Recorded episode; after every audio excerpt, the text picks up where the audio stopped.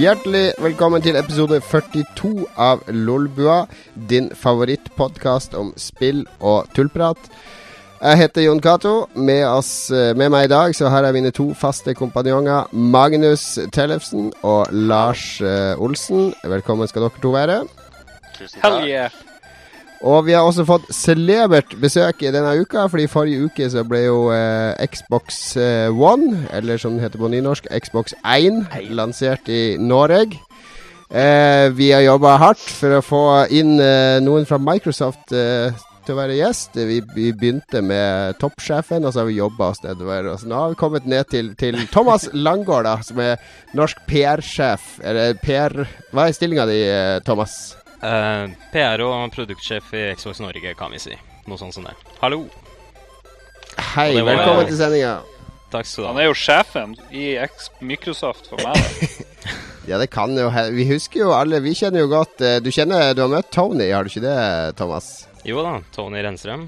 Ja, for han han ja, begynte Han begynte på gulvet i Microsoft. Han eh, Da da, da var han eh, Han hang mye med, med Magnus og de i Spiderman, og bodde med de i Las Vegas og uh, jobba seg opp og opp og opp. Han er vel uh, Øst-Europa-sjef, eller hvor, hva slags stilling Ja, han? han, eh, han jobber i um, hovedteamet i Vest-Europa.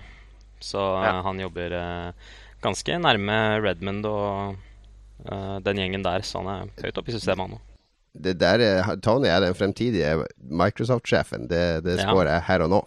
Satya får eh, fem år til, og så tar Tony over. Jeg tror det. jeg tror det Even Tony er eh, Vi skal ikke snakke for mye om Tony. Det er mye morsomt å si om Det er, der, Tony. det er derfor vi har det her, Thomas. For å snakke om Vi får vente til dine. Tony sjøl er gjest en gang. Ja. Tony Clifton. Ja, det har dere snakket om. Vi, Men, vi har eh, Thomas her i dag, og ja. du, har, du har sikkert eh, Har det vært eh, noen stressende siste uke for deg? Det har vært mye å gjøre, det har det. Absolutt. Eh, lange kvelder og eh, slikt. Men eh, veldig glad for å kunne ha lansert da, på fredag nå. Så det var en litt sånn milepæl. Det var deilig. Det var moro.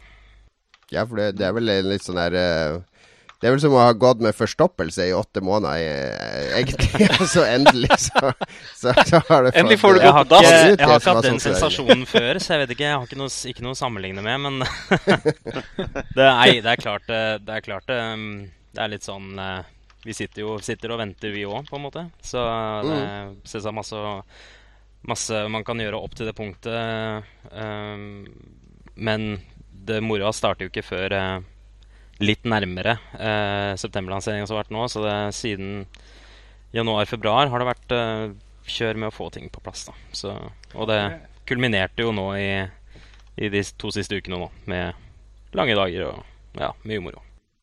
Og så var det stor eh, lanseringssjalabais i Oslo. og Der fikk jo ikke jeg være med, men der var alle dere andre, var dere ikke det? Jeg Inviterte deg, da, men jeg regna kanskje med at det ble litt lang tur å ta. Jeg måtte lade opp til Destiny. Ja, det er fair Det var det som var greia. Grunn nok. Grunn nok. Ja, Apple avslutta nettopp med YouTube på scenen. Jeg satt og venta på fredag når vi var ute hos Microsoft med Magnus, hvem som skulle komme inn og ta over scenen når Thomas var ferdig og demonstrere spill og Sunset og sånn. Og der det var ikke engang Madcon som, som brukte å komme i gamle dager. Nei, Skammelig. prøvde å få inn Vestlandsfanden i siste minutt, men eh, det, det gikk ikke. De kunne gjort seg. Ja, nei, det var, eh, det var meg, det, som avslutta omtrent. Det var eh, Ja, men det er jo, det er jo helt slutt på de der eh, gedigne Ja. lanseringsfestene som var før. Det var jo, var jo ingen PlayStation 4-event heller. Men når PlayStation 2 kom, da var halvannen million brukte jo Nordisk Film på lanseringsfesten da. Med sirkusartister og fri bar for 1000 mennesker, og det var, det var digre greier. Det var tider. Det not as much now. Microsoft har ikke vært så mye dårlig. Husker de hadde posthallen på Halo 2. eh, Ja. Det var ganske svær fest. Og så hadde Lady den derre frosken, tror jeg det var, på Halo 3. Den som sto bak eh, Nasjonalgalleriet. Eh, der, der var det jo også en ganske stor fest. Det var vel også når vi Eller jeg var jo ikke med i Microsoft når det skjedde, men når 360 lanserte, så leide de vel en sokkelleilighet i Oslo sentrum og dekorerte den som Uh, Ja, ja, ja. ja. Perfect Dark Zero. Det var jo Joanna Dark sin, sin Ja, leilighet. Mm. Og det var jo å leide denne sokkelleiligheten i Oslo sentrum i tre måneder og hadde mm, ja, presentasjoner der og Uh, alt, fra, alt, fra, presse til uh, businesspartnere i, i uh, Enterprise-seksjonen. ikke sant? Og det var jo store greier. Men nå har vi jo nå har vi lokale på Lysaker. Det er på en måte det vi kan ta oss råd til, sånn sett.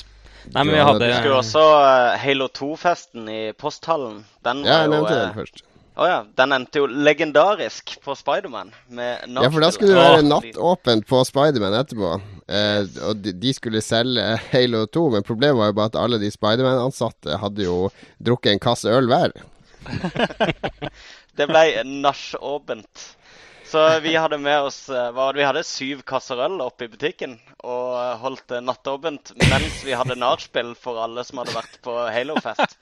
Det husker jeg. Det gikk folk inn, og... rundt og røkte i butikken og sånn. Ja. Det var ganske fuktig.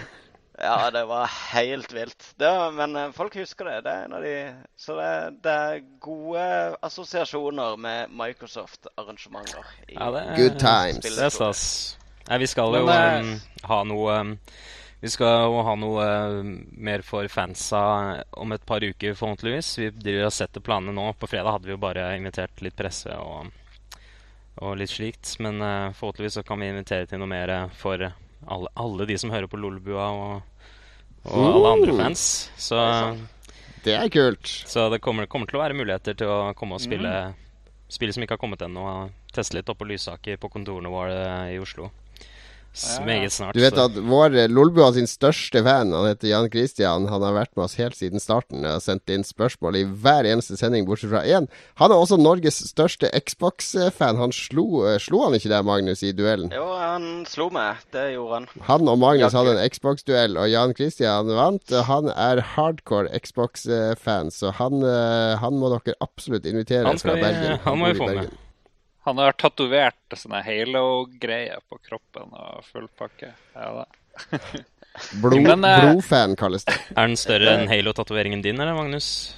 Eh, større enn eh, de jeg har på knærne, men ikke, ikke den på ryggen. Nei, den er større. Den, så, den dekker ja. hele, på en måte. Ja, ja den har hele Master Chief. Uh, du har jo Master Chief sitt navn på rumpeballene. Master på én, og så Chief på den andre. Det er riktig.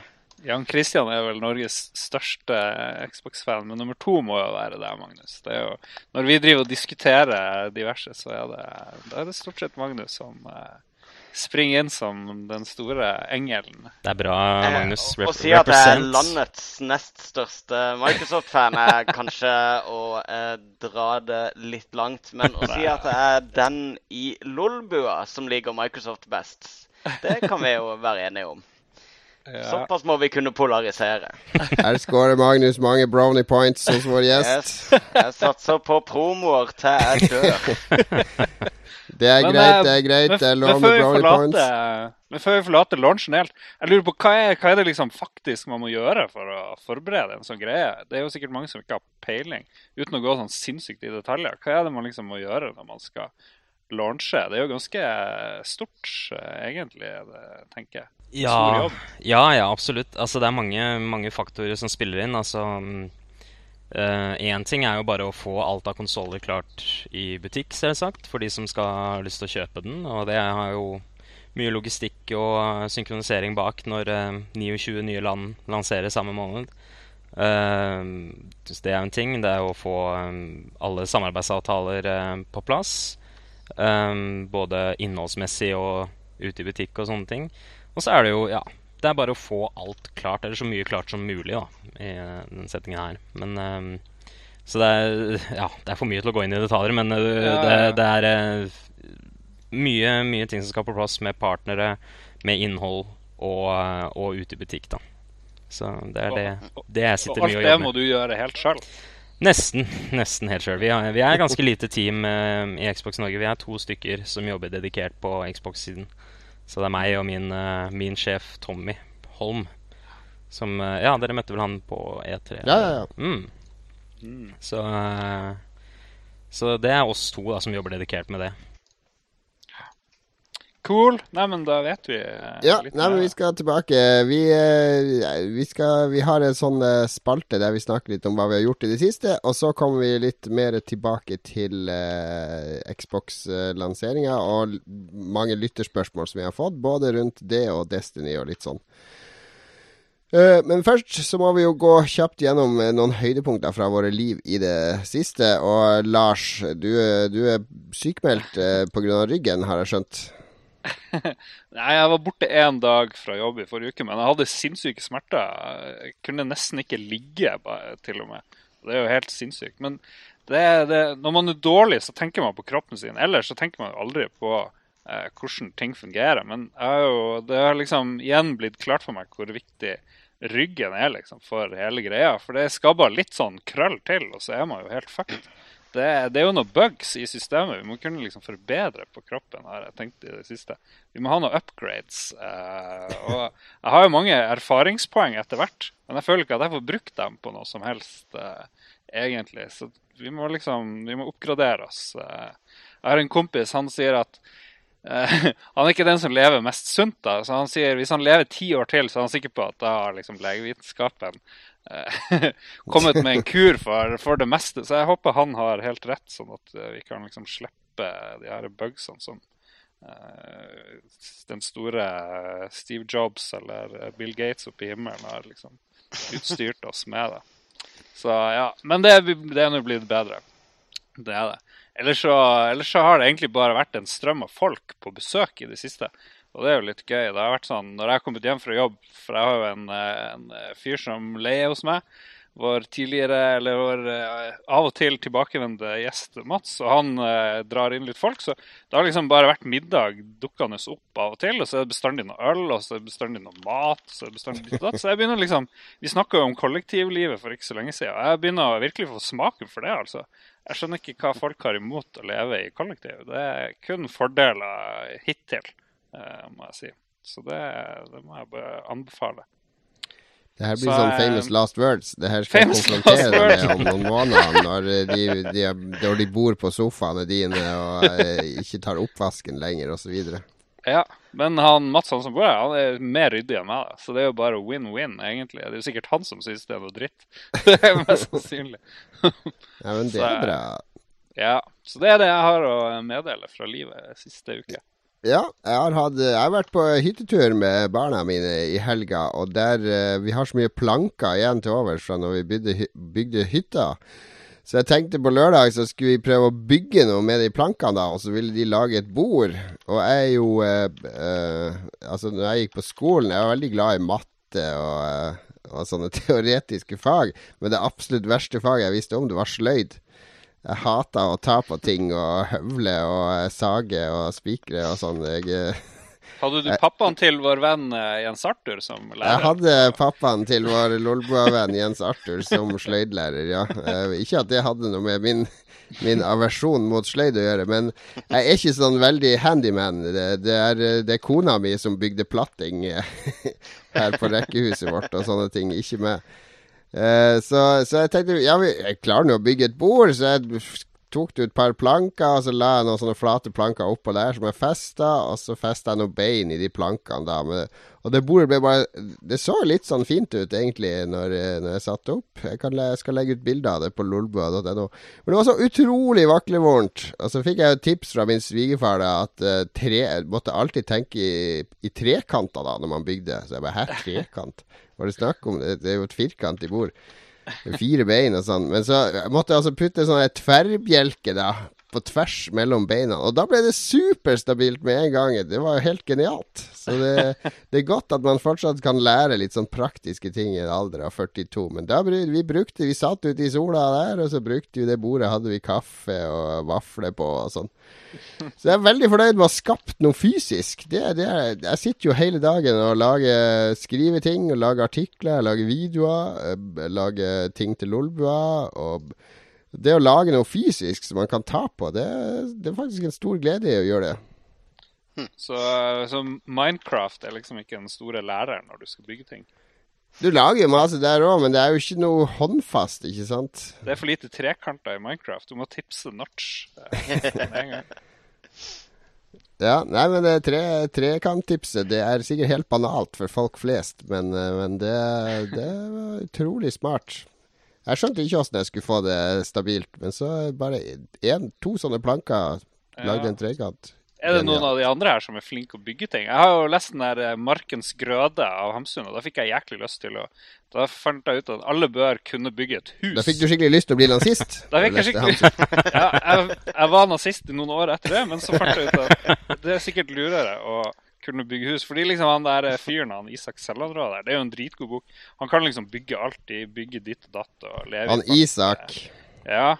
Og, og da tenkte jeg i tilfelle apokalypsen Vi vet jo at apokalypsen kommer, og det blir vi jo minnet på i hele tida. Sist i Destiny og så videre. Så er det noen av dere som Thomas, er du, er du en handyman? Nei, jeg kan ikke, jeg kan ikke skryte på meg det. Altså, hvis, hvis, det.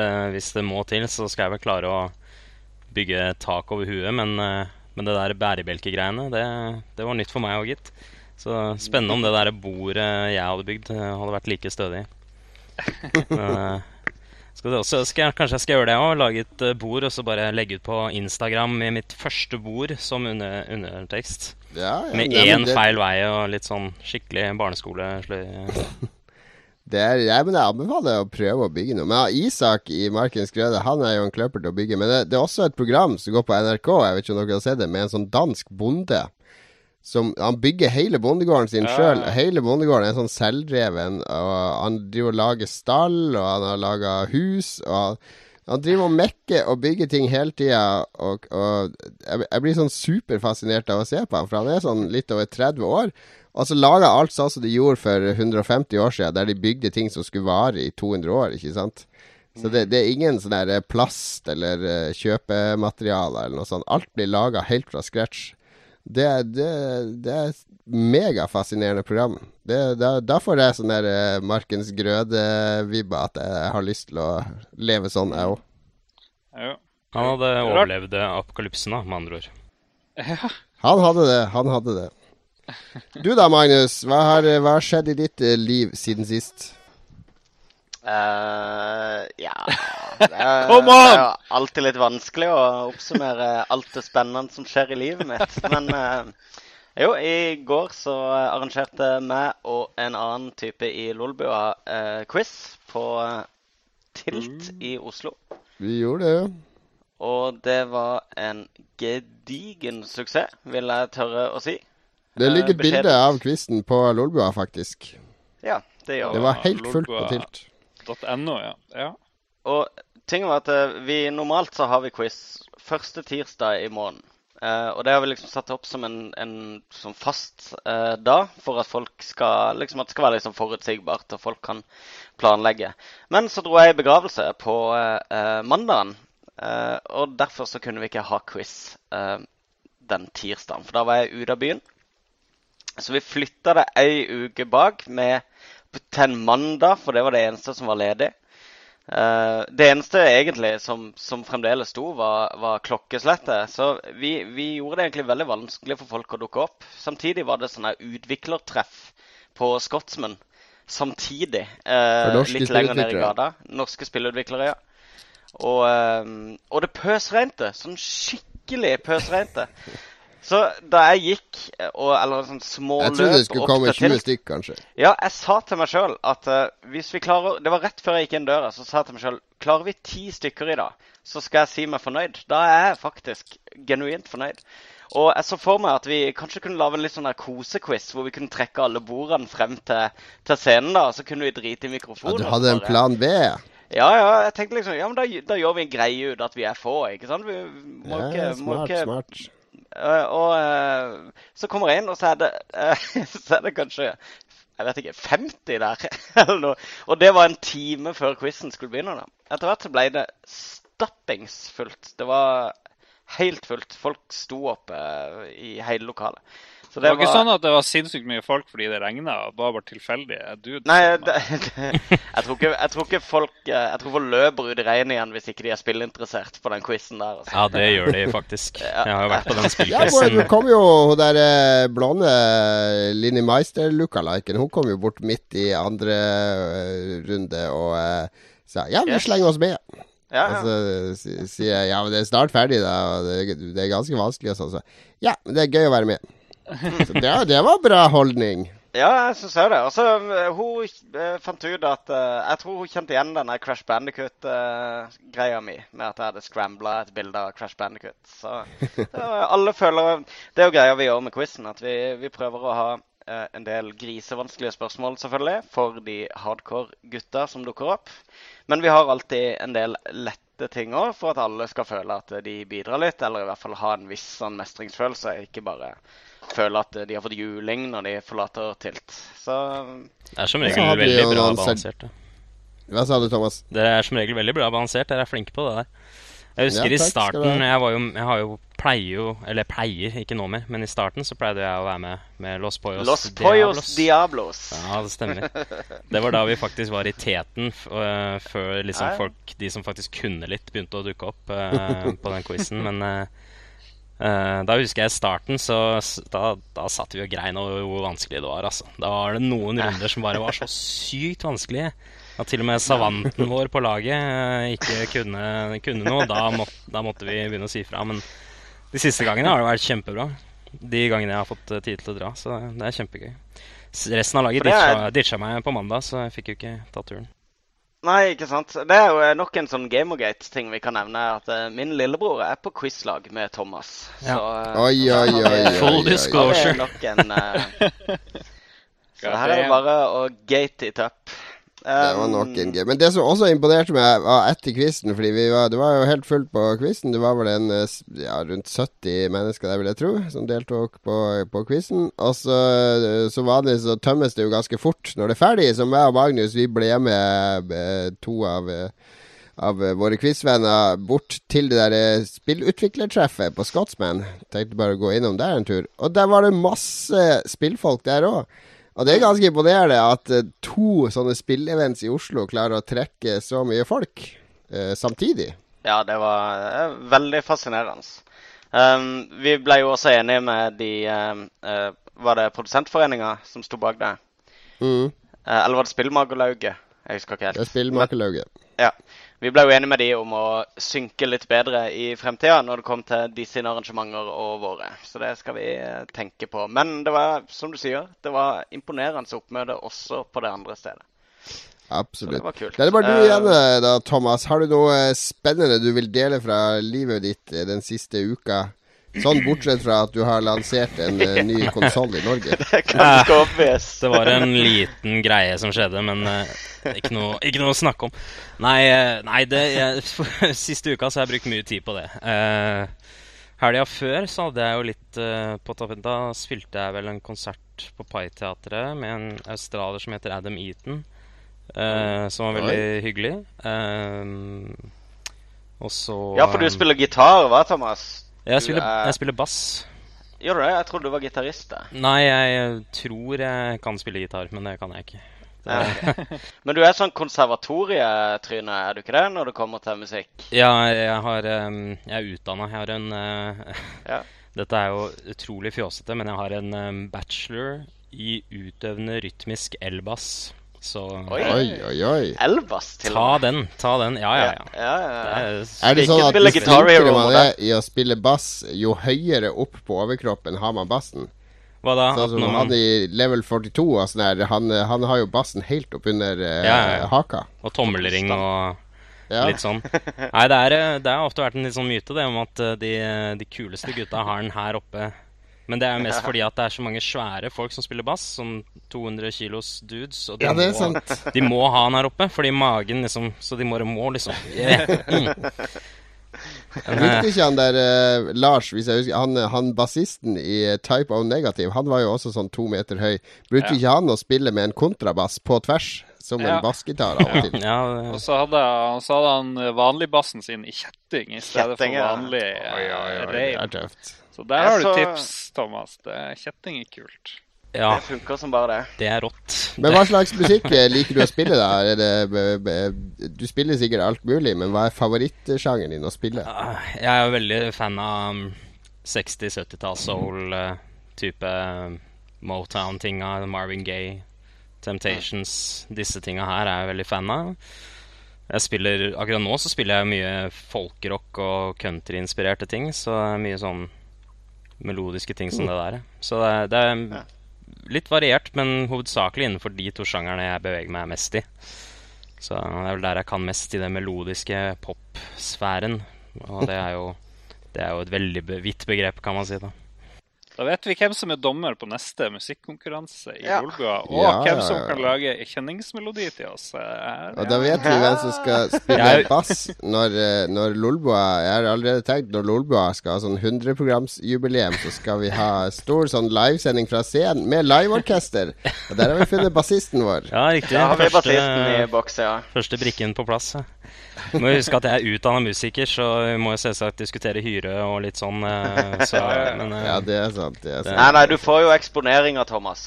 ja, Men ja, ja. Eh, Det er en debatt vi kunne, vi kunne tatt. det. Hva, hva syns du, Thomas, om at i Guitar Hero, hvis du feiler på gitar flere ganger på rad, så kommer det ofte en sånn uh, artig beskjed, og en av de artige beskjedene er You seem to suck at guitar. Why don't you try bass? Det er jo Den altså, Det er jo level til stede.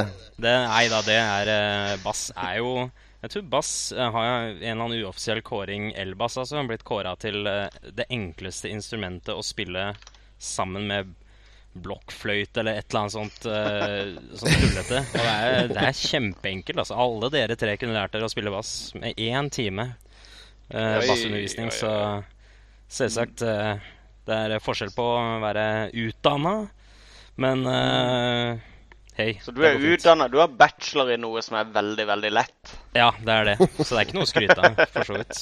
Veldig fjåsete. Glem, eh, ja, glem The Ice Bucket Challenge. Nå er det The Elbas Challenge. eh, startet her. Hvem er, hvis vi skal avslutte basspraten, Ja. hvem er verdens beste bassist? Ah, nålevende eller uh, eh, tidenes? Ja, ja, hvis det er en som er død, som er bedre enn alle som lever nå, så må du gjerne velge Ja. Nei, uh, snakka jo Motown og alt dette her. James Jamerson heter bassisten som spilte inn alle, Mhm. alle soul-hitsene fra Motown på 60- og 70-tallet. Type What's Going On av Marvin Gaye. Ja. Uh, og, og så videre. Eh, så han er Han og Paul McCartney oppfant vel på, mm, den moderne basspillinga, kan du si, fra 70-tallet og ut. Så det er ikke han i Dream Theater. John Mayung. Jeg, jeg hørte mye på Dream Theater på um, videregående. Det var eh, Jeg holdt på å si det var en mørk periode, men jeg klarer ikke å skamme meg helt over det heller. For det er, det er en sånn liten vært del av meg som liker det. Ja, ja jeg, har vært, jeg har vært på to, to ganger. Så, Men den gamle, gamle rockedebatten var jo alltid Les Claypool fra Primus eller Flea Eller Flea, ja. fra Red Hot Mm. Chili Peppers.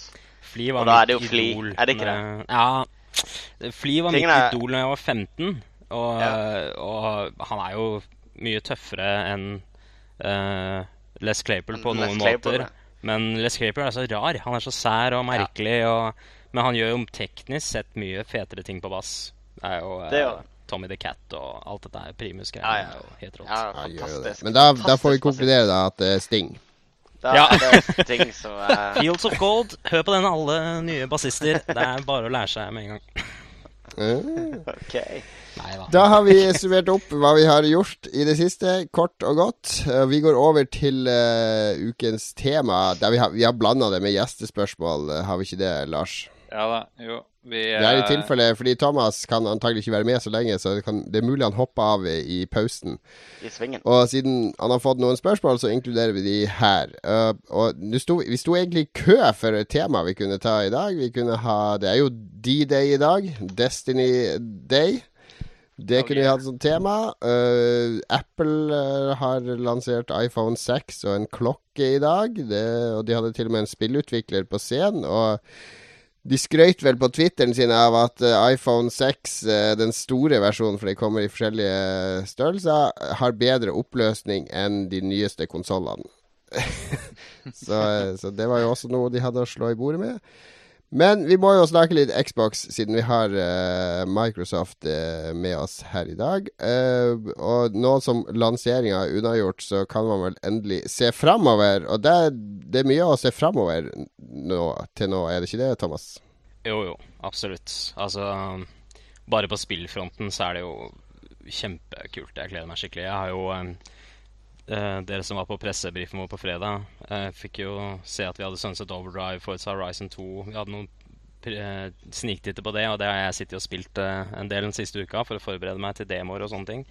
Og det er jo det er, Altså, jeg, jeg, nå prøver jeg å være så objektiv jeg kan her. Eh, Sunset Overdrive blir utrolig kult. ass. Det kommer 31. oktober. Eh, for de av dere som ikke har hørt om det, så er det jo et sånt åpen verden, fargerikt apokalypsespill som vi har snakket om før. Men eh, ikke sånn grått, eh, mørkt eh, og eh, trist som veldig mange andre apokalypsespill er, men mye mer fargerikt og uh, mye bevegelse, mye crazy våpen. Det er jo fra Insomniac-gjengen som har Ratchet Clank og Resistance og mye humor. Mye glede, i motsetning. Så Ja. med, med det og Forza Horizon 2, Ori and the Blind Forest uh, og Assassin's Creed Unity Det er jo det, det er en høst her som blir eh, helt makeløs, selv om vi har hatt noen utsettelser. Så på spillfronten så er det jo veldig kult. Eh, på plattformfronten er det jo også mye å glede seg til. Vi har jo eh, Med Xbox One så har vi jo sånne oppdateringer. Og vi har jo funksjoner som ruller ut hver måned. Vi har jo OneGuide som får, får den fulle opplevelsen nå i oktober, som har gått inn i preview. For noe, jeg vet ikke om noen av dere har preview på Xbox One? Er mye preview Eh, Nei. Ikke på Xbox One. Jeg har på 360. Ikke sant. Nei, men så vi ruller ut masse, masse nye kult uh, framover, og det Bare det vi klarte å Den Det har jo vært siden vi, den lanserte i fjor på, i de første markedene, så har vi vel hatt åtte oppdateringer med over 60 forbedringer eller nye funksjoner. Så, og det er jo bare siden da. Og fram til jul nå så kommer Xbox One til å ha mye mer å komme med enn den har bare nå, på, på tre måneder. da.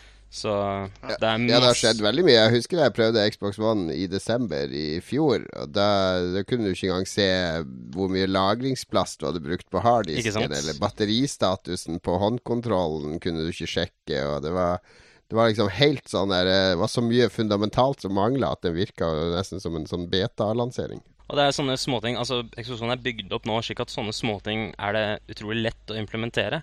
Altså, Sånn som det med batteri eh, Å se hvor mye batteri du har, da, en sånn essensiell del man gjerne skulle hatt, og som er vant med med forrige generasjon og sånn. Så det var jo Altså, og alt Alle oppdateringene kommer jo fra tilbakemelding fra fansen. Vi har jo sånt Xbox feedback-system på hjemmesidene våre, hvor eh, hvem som helst kan gå inn og si et topic. Altså, jeg vil ha For eksempel, ja, jeg vil kunne se batteri batteristanden på kontrolleren min. Så kan uh, community Mm. upvote eller downvote, og så utviklerteamet se på den siden her hver dag og se hvilke ting som blir upvota mest. Å, fader, den, den featuren der, ja, den må vi nesten ha. Ja, ok, vi ser om vi kan begynne på den. Så det er virkelig Det, er en nettside fra fansen da, til utviklerne. Så det, det, vil du si at det er i ferd med å bli en uh, demokratisk konsoll der fansen stemmer fram uh, Der flertallet i fansen stemmer fram eh, eh, hvordan konsollen skal være? Til en viss grad, ja. Absolutt. Altså, det er jo eh, det er ikke, det er ikke som det er eh, enten-eller. Altså, noen ting er selvsagt vanskeligere å få til enn andre fra, fra et utviklerperspektiv. Men eh, nei, det er klart at det er viktig å Altså, det var helt siden vi snudde, snudde litt på flisa i fjor på hvordan Xbox One skulle bli eh, som en total opplevelse. Og helt siden da så har det, tror jeg noen skjønte da, at vi må, at vi må begynne å høre mer på hva de som faktisk bruker konsollen, har å si. For en av de tingene som kommer som, som jeg tror mange fans har stemt opp, er jo mediestøtten. Altså du kan streame MKV og, og alle mulige mediefiler via hjemmenettverket Mm. ditt. Den kommer jo rett fra den feedback-siden. Uh, det Nå har jo MKV-støtten kommet vel i oktober. USB, Muligheten til å koble inn en USB-enhet i Xbox One er jo allerede tilgjengelig, men fra og med oktober kan du også gjøre det trådløst over eh, nettverket med, hvis du har en DLNA-server. Og det er sånne, sånne ting som også tar Xbox One Altså Selvsagt, det er jo en spillkonsoll, og alle spillfeaturene og utviklerne jobber jo med å lage de beste spillene som mulig for plattformen. Men så er det jo også å ta det ut dit hvor 360 holdt på å gå, da, til å bli et sånt mediesenter. Og det er jo mange brukere i Norge som uh, har sånne USB-huber og deler av nettverk. Og Ja, sånne ja, ja. så- Jeg kjenner mange som har så det. det, er, så det er jo veldig kult å kunne implementere. Hva er det du, Lars det du, Hvis du skulle foreslå noe til Xbox One som skulle upvotes, hva hadde det blitt? Jeg bare tenkte det hadde vært gøy med en konsoll som var sånn reality-aktig basert. Så kunne folk stemme ikke bare inn features, men også ut, eller Fjerne. Eller, men det, ja. Det er jo sånn man gjør det på Steam eller sånn Greenlight-greier. Liksom. Hvilke spill vil vi, eh, vil vi skal bli med og ikke bli med? Ja, nei, en feature Jeg vet da fersken. Hmm.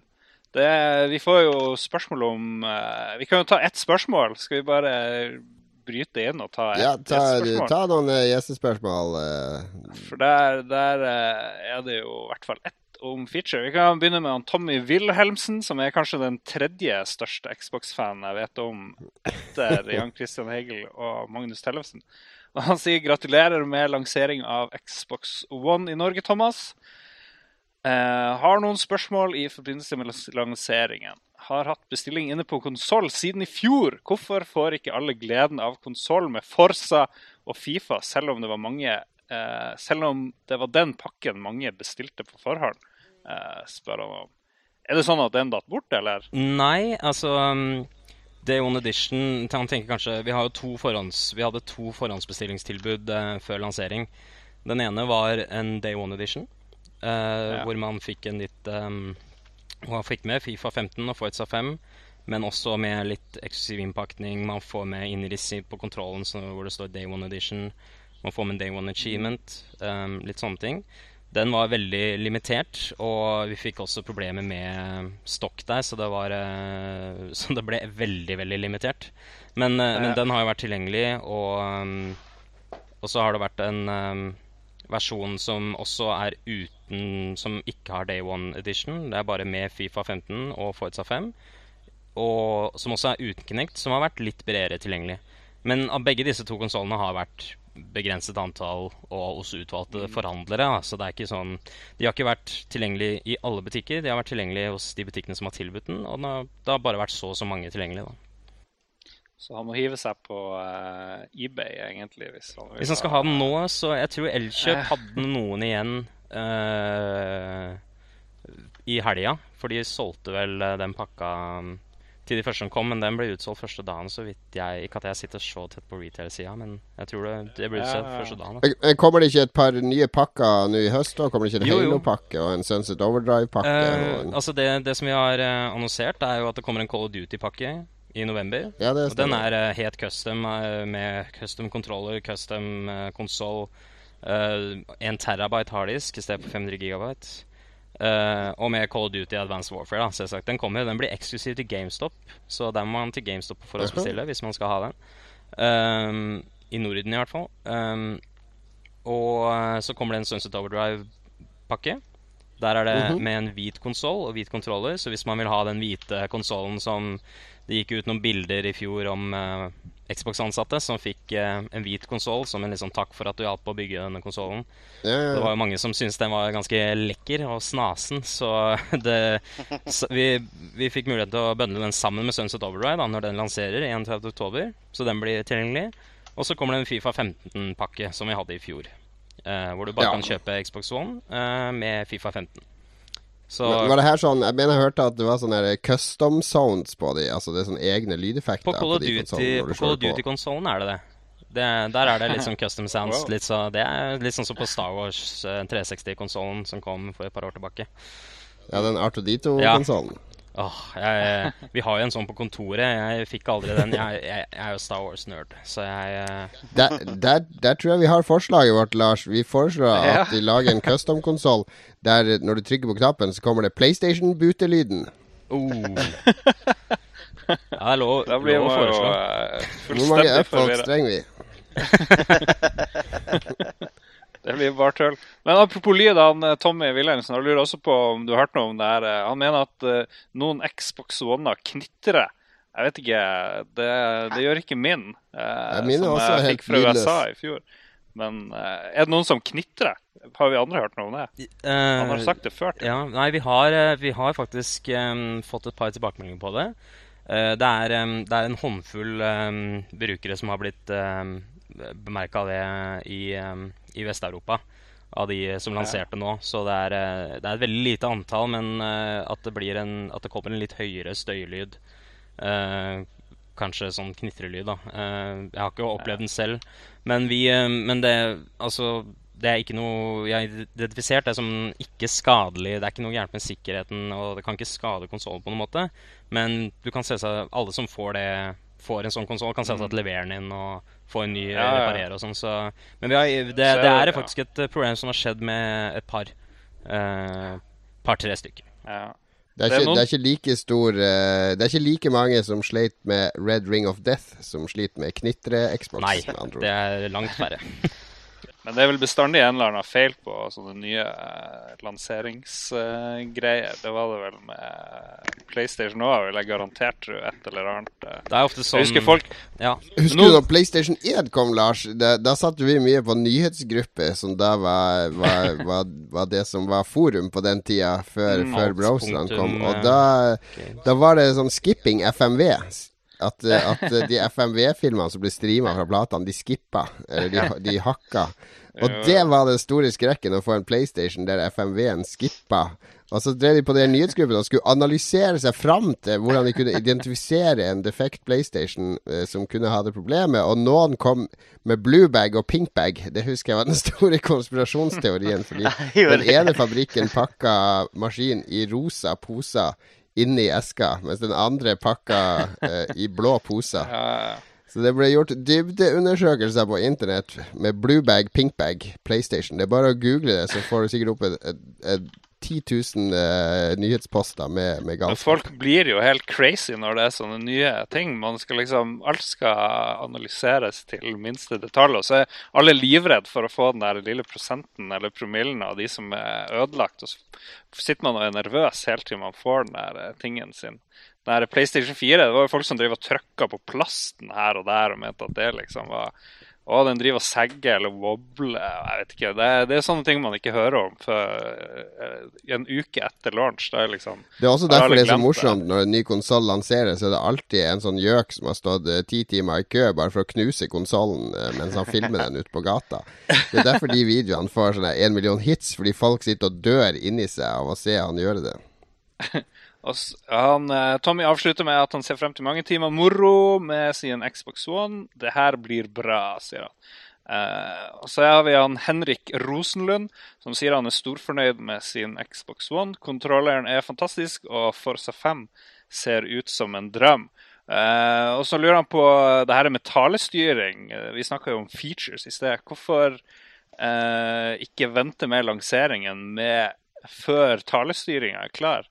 Eh, jeg må jo si jeg er jo glad for at den er kommet. Jeg, ja. Ja. hvorfor, altså, hvorfor ikke Hvorfor lansere konsollen før talestyringa er klart? Det er det som er spørsmålet. Ja. Um, nei Da måtte For det første måtte vi ha ventet enda lenger uh, med, å, med å få det ut. Og jeg tror vi nå kom til et punkt hvor vi bare Nå har vi lyst til å få den ut på markedet. Det har snart gått et år. Vi begynner nå å få få, vi, få konsolloverskudd nok til å kunne sende ut til alle landene også. Eh, tidspunktet var bra nå for oss, tror jeg, og for julehandelen, selvsagt. ikke sant? Hvis vi skal snakke fra et litt sånn kynisk businessperspektiv. Men så er det eh, Hvis eh, tale og stemmestøtte, da, det er noe vi har jobba med. Det er noe jeg også har jobba personlig med eh, i hele år.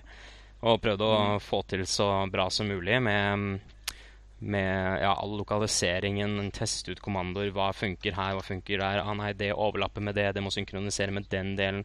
Det er mange ting som skal på plass. da. Altså, for det med lokalisering er jo selvsagt et veldig stort spørsmål etter lanseringa. Um, men det er, jeg tror det er, det er en mer kompleks prosess enn man, kanskje mange tror. Eh, I stedet for å bare oversette noen tekstlinjer, som noen kanskje mener at det tar jo bare et par dager så er det faktisk en prosess eh, som skal gjennom mange ledd. Det skal gjennom alt fra utvikler til, eh, til eh, marketing til ja, alle avdelingene som har med Xbox å gjøre. Um, så det er faktisk noe jeg har sittet sene kvelder med. så tro meg, det jobbes hardt med. Og det ble ikke klart. Det var veldig synd. Men um, det har jo allerede blitt tatt stemmeprøver på forskjellige steder i landet. Um, noen har vært nede i Kristiansand og tatt uh, disse sørlendingene, Magnus. Så det Xbox On. Jeg har, vært med på, Xbox. jeg har vært med på den der eh, Det har du òg, Jon Cato. Til det med må spille inn den der greia på 360, der de prøvde Ja, de å- 360 lanserte jo Mm. ble jo lansert sånne gratis eh, dings man kunne laste ned, der man skulle lese inn en masse tullete setninger. Og så fikk du achievements. Det viktigste. Det viktigste. Eh, ja. Ja. Nei, men så det Men uh, for å si det sånn Men er det det dere har brukt, da? Disse opptakene? Eller Nei, det nei, dette er en separat prosess. Uh, det er et eh, Uten å gå altfor dybden i interne prosessen her, men det, er, em, det er et vi, vi har et firma som jobber med stemmegjenkjenning. og det er et team da, i, em, internt også som jobber med det. Og de reiser rundt i hele verden, sampler dialekter, sampler uh, talemåte, både veldig klart, sånn rett fram, opp og ned, og mer uh, casual tale som vi har nå, da, eh, mellom oss Ja. her. Alt dette analyseres og testes og hives mot kommandoer rett som det er. Og, og det er en dyp, tidkrevende prosess, da. Og det er mange land som, som står uten voice nå, som jeg også gjerne ville hatt det med en gang. ikke sant? Så det er bare det at det tar tid, og det kommer til å ta litt lengre tid. Uh, men det kommer, det gjør det. Og vi, vi pusher på for å få det, få det klart. Så når det kommer, så blir det veldig gøy. si, eh, tør du å si noe? Blir det i år, eller tror du det er neste år? Eller? November 3. november. Nei da. Nei, det blir ikke det. Uh, holdt du på å ha en skur tenk hvis jeg hadde gitt en dato nå. Det hadde vært scandalous. Uh, men eh, nei, nei vi, vi har ikke noe vindu uh, eller dato uh, nå. Det er litt for, litt for opp i løse lufta til å kunne komme med noe konkret, rett og slett. Men, Men det er, ikke, det er ikke noe som dere har gitt opp? Altså, Nei, nei, nei, det ikke i det hele tatt. Ikke det hele tatt. Jeg hadde, jeg hadde senest en samtale om det eh, eh, eh, på onsdag. Forrige onsdag. Så, Mhm. eh, og da var det jo litt sånn, selvsagt litt preparasjoner. Kan vi få litt mer eh, for, for launchen? Men eh, nei, det er, det er rett og slett litt unna. Men vi kommer selvsagt til å Når vi har noe, vi har noe mer konkret da, rundt det, så Mm. kommer vi selvsagt til å skrike høyt og, høyt og bredt. Ikke skrik høyt, bare hvisk det til oss i Lolbua. Ja, så så kan vi si det, skrike høyt først.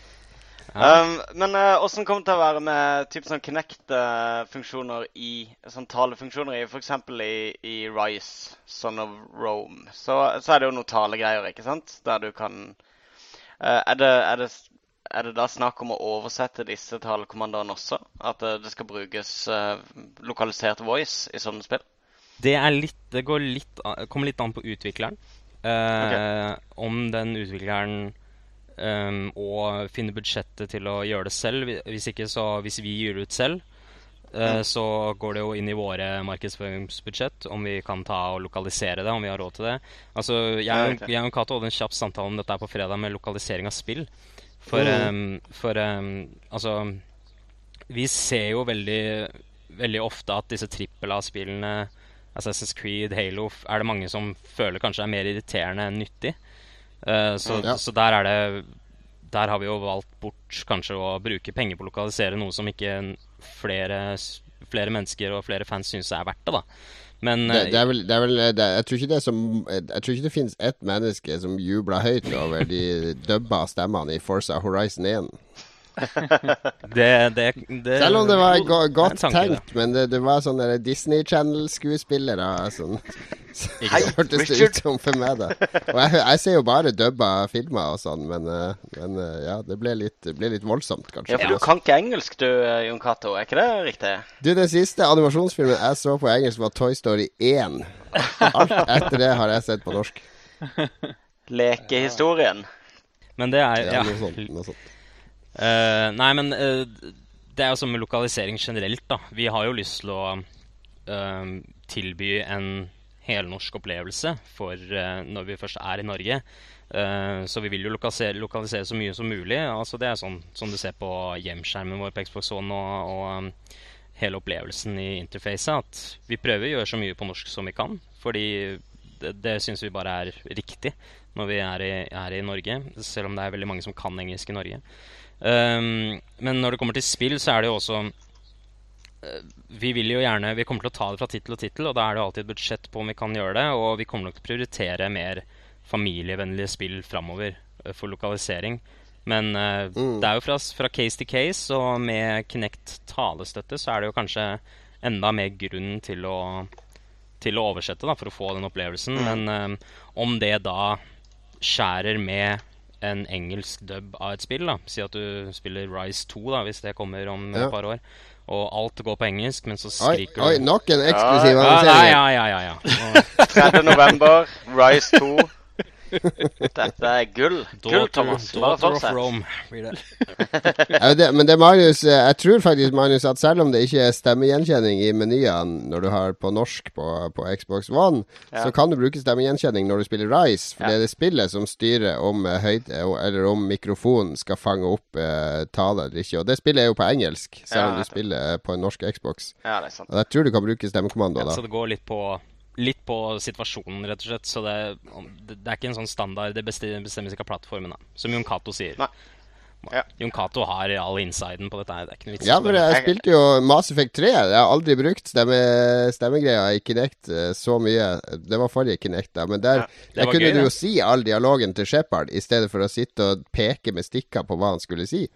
Og det, det var jo mye deiligere. Jeg la fra meg kontrollen, og så la jeg meg bak i sofaen, og så bare sa jeg Sa jeg det Shepard skulle si av de tre valgene på skjermen? Og det, den hørte jo hva jeg sa hver gang. Shepard gjentok det jeg sa.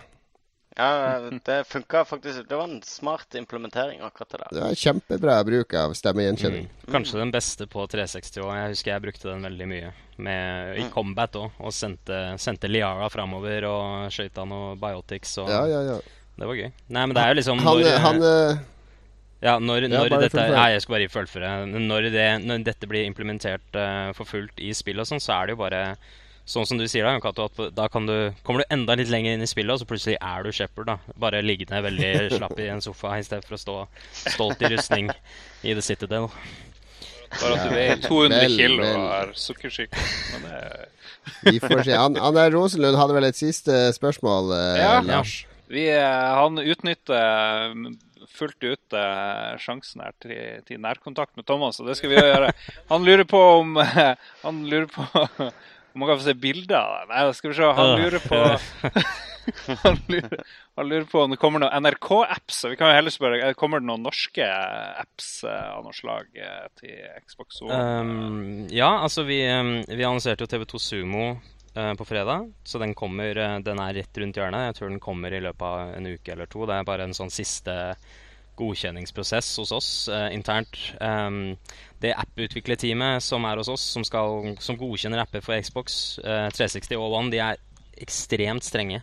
Så de, mm. det skal liksom være perfekt før de eh, lanserer noe som helst. Spesielt når det er um, når Xbox One nettopp er lansert i, i, i vårt marked. Så TV2 er uh, rett, rett i ferd med å bli ferdig der. Vi har noen flere apper Mm. også som er i samme prosess. Uh, noen gamle kjenninger og noen nye.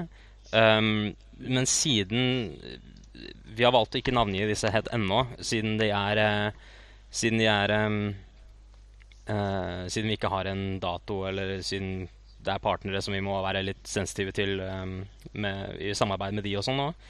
Men, eh, men vi, vi, vi snakker med NRK. Vi snakker selvsagt med globalt, på et globalt nivå, med Viaplay, med HBO nå. Uh, så um, jeg ville ikke ville ikke blitt veldig overraska hvis du hadde sett flere av disse appene på konsollen i løpet av en kort tid. Og vi kan vel røpe allerede nå at Lolbua-appen er godt på vei. Ja, er den det? Vi eller? kan programmere den på Nei, det, det, det var så strenge krav, sier han. Jeg tror det, Ja, det det, det, det kanskje skjerpe, skjerpe litt eh, opp hvis du skal gjennom Men NRK kom jo nettopp på Apple TV, så de, eh, de sprer seg jo gjerne til alle kanaler der folk, eh, der folk bruker TV på.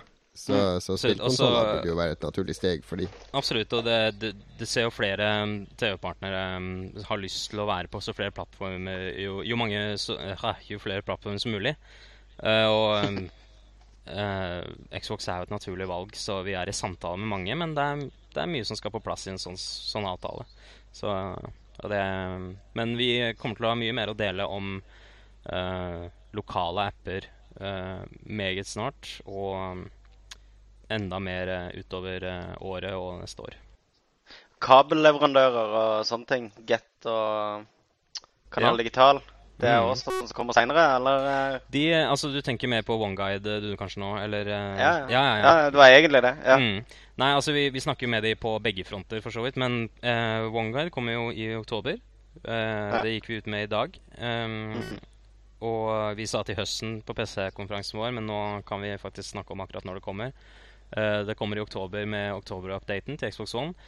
Og da vil um, flere som er i preview og beta nå, har allerede opplevd at de kan hente signaler fra Altibox, Get, Kanal Digital og flere. Så alt, alt ser bra ut.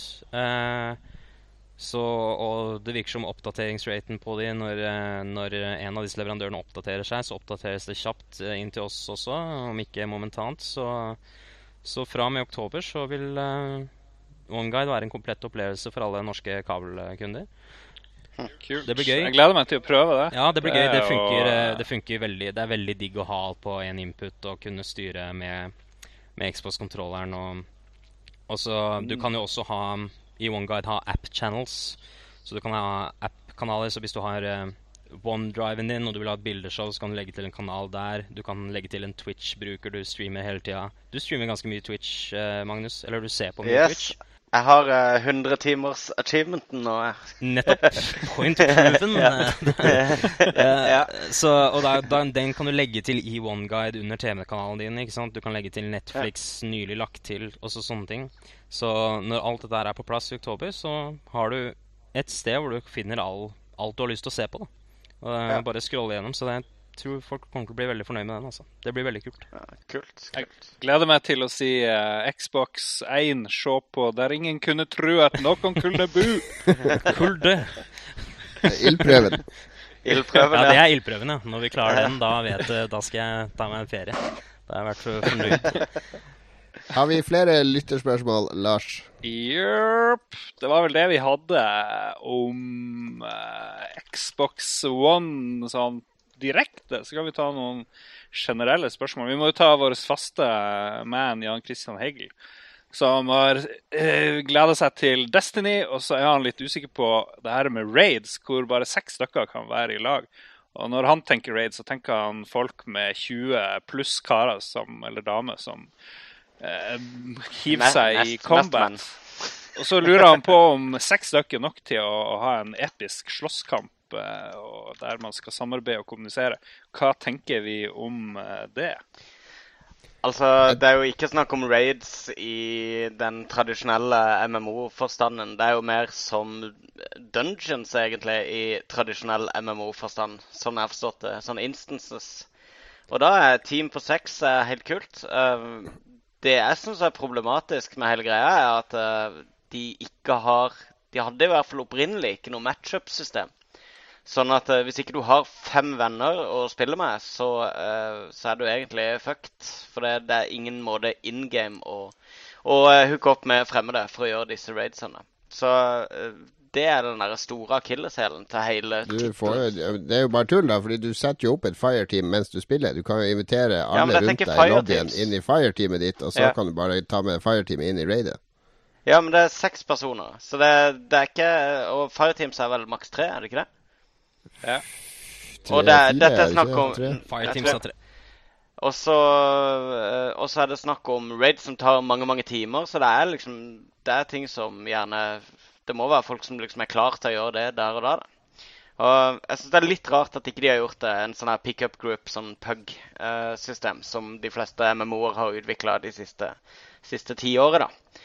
Mm. eh, for, for eh, å kunne finne fremmede og, og komme seg raskt inn i en dungeon. og Du kjenner det ikke så godt, så det er ikke så koordinert, men du klarer kanskje de første par bossene og får noe kult utstyr og muligheten til å bli kjent med nye spillere osv. Dere har jo spilt dette litt mer meg, tydeligvis. Altså, dette er ikke The, the Crucible, det er PVP, ikke sant? Det er ikke raids.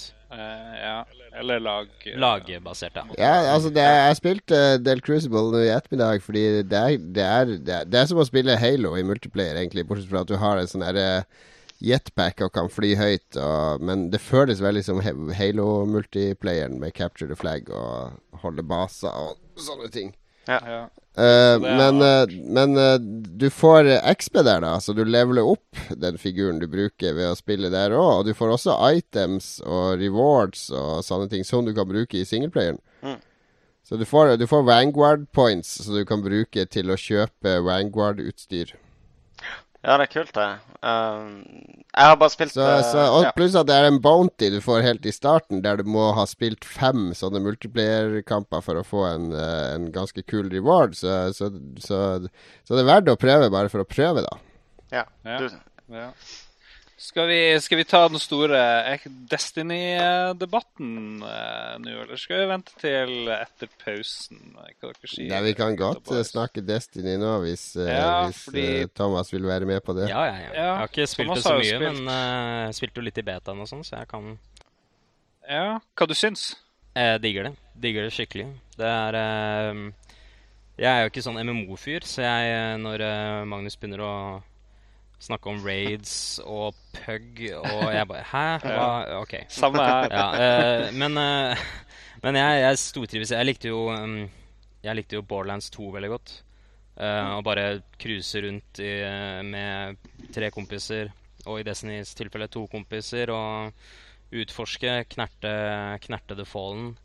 Og um, ja, levele opp og finne loot. Det er kjempegøy, og storyen virker fin hittils, det lille jeg prøvde. Eh, Nei, jeg tror det blir eh, Og så er det et utrolig kult uh, univers. Jeg er sci-fi Veldig sci-fi-fan, så jeg liker litt sånn etablerte sci-fi-universet med mytologi satt på plass. Og, så det virker som dypdykking i universet er uh, rett rundt hjørnet uh, etter betaen. Og ja, utforskning. Kule missions, kult loot. Og ja, level eh, upping. Leveling. Som jeg Ja, har fått det er gøy. Det er gøy. Åh, det er, åh. Så ja.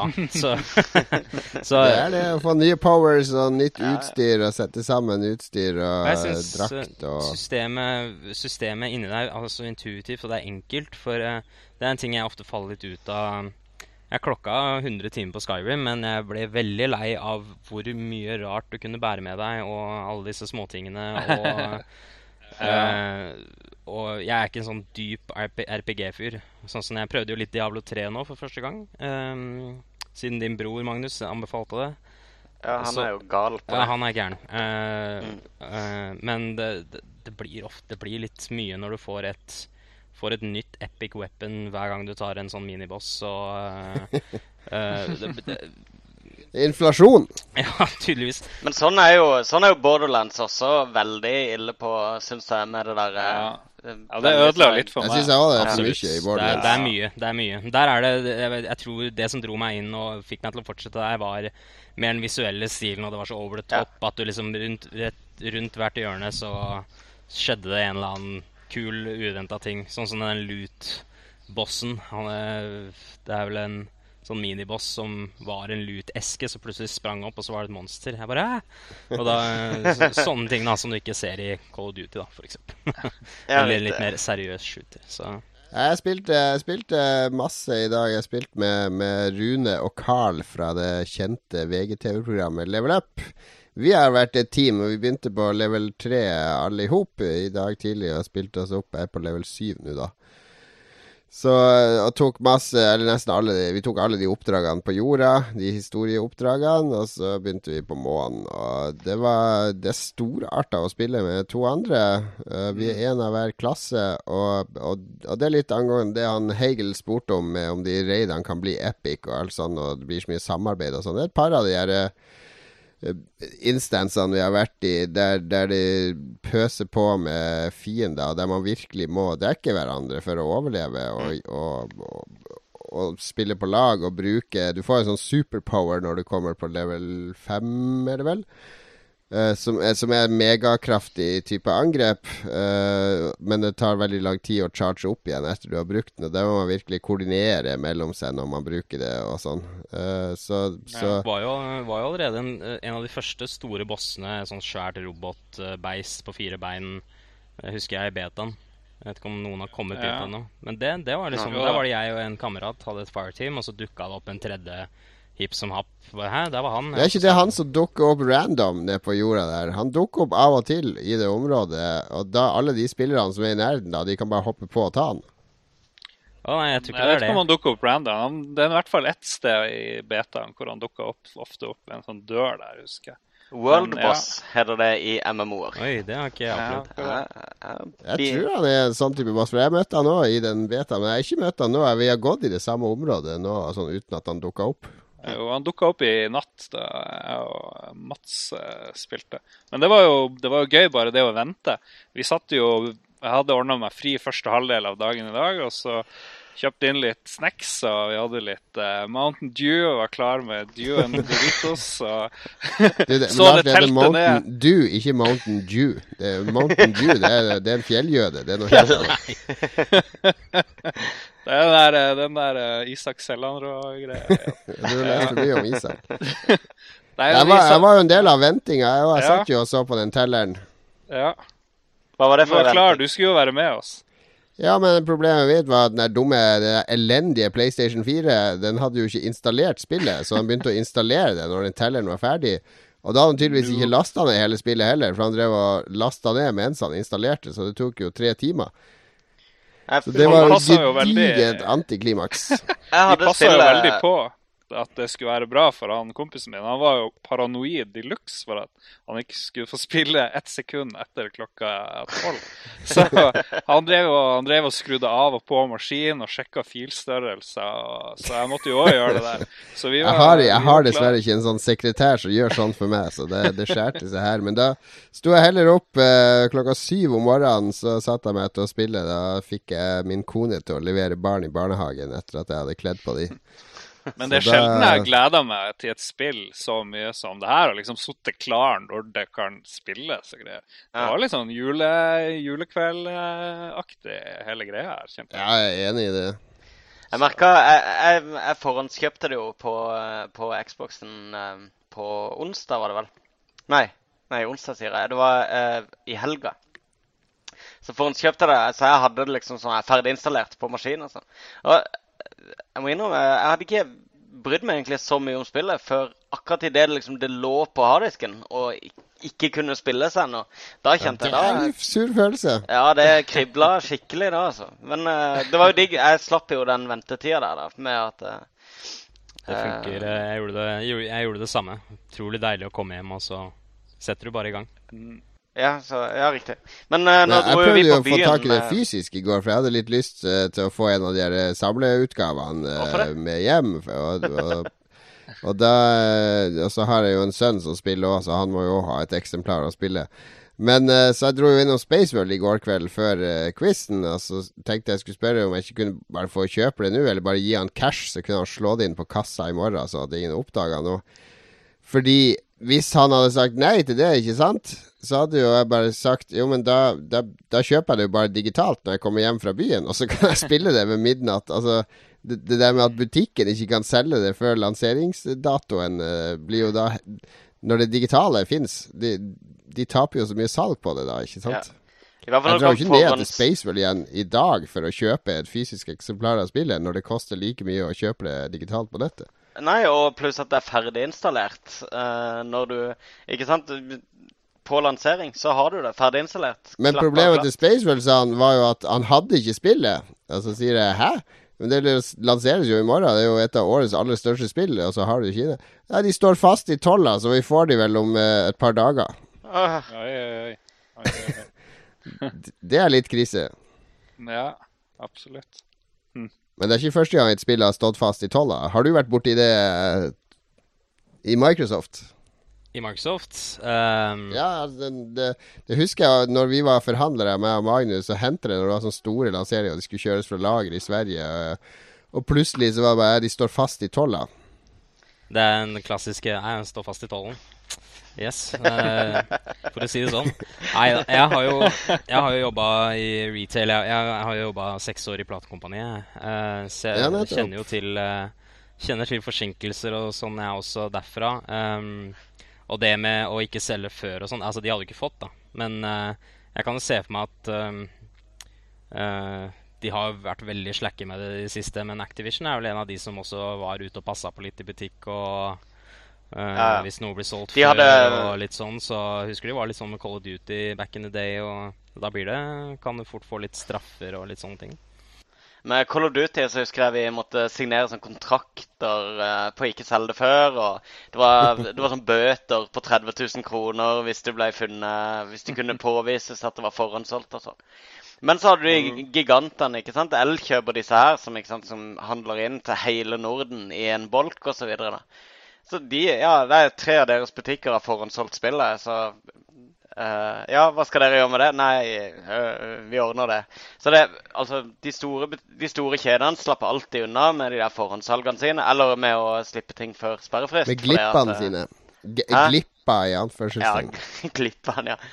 Uh, det var som vi snakka om i går. Og Postordreavdelingen i de store de sender jo fortsatt ut spill sånn en uke før lansering. Ja, Det det lønner seg jo, det er, det er jo sånn liste på, på diskusjon.no over hvem det lønner seg å forhåndsbestille spill hos. Fordi ja. de sender alltid ut med en gang de får på lageret. Det er helt merkelig. Men, men uh, det, det er jo ingen som klager på det. Det fungerer jo. så...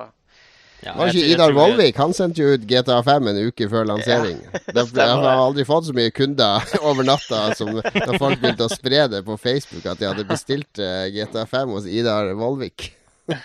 og fått det dagen etter.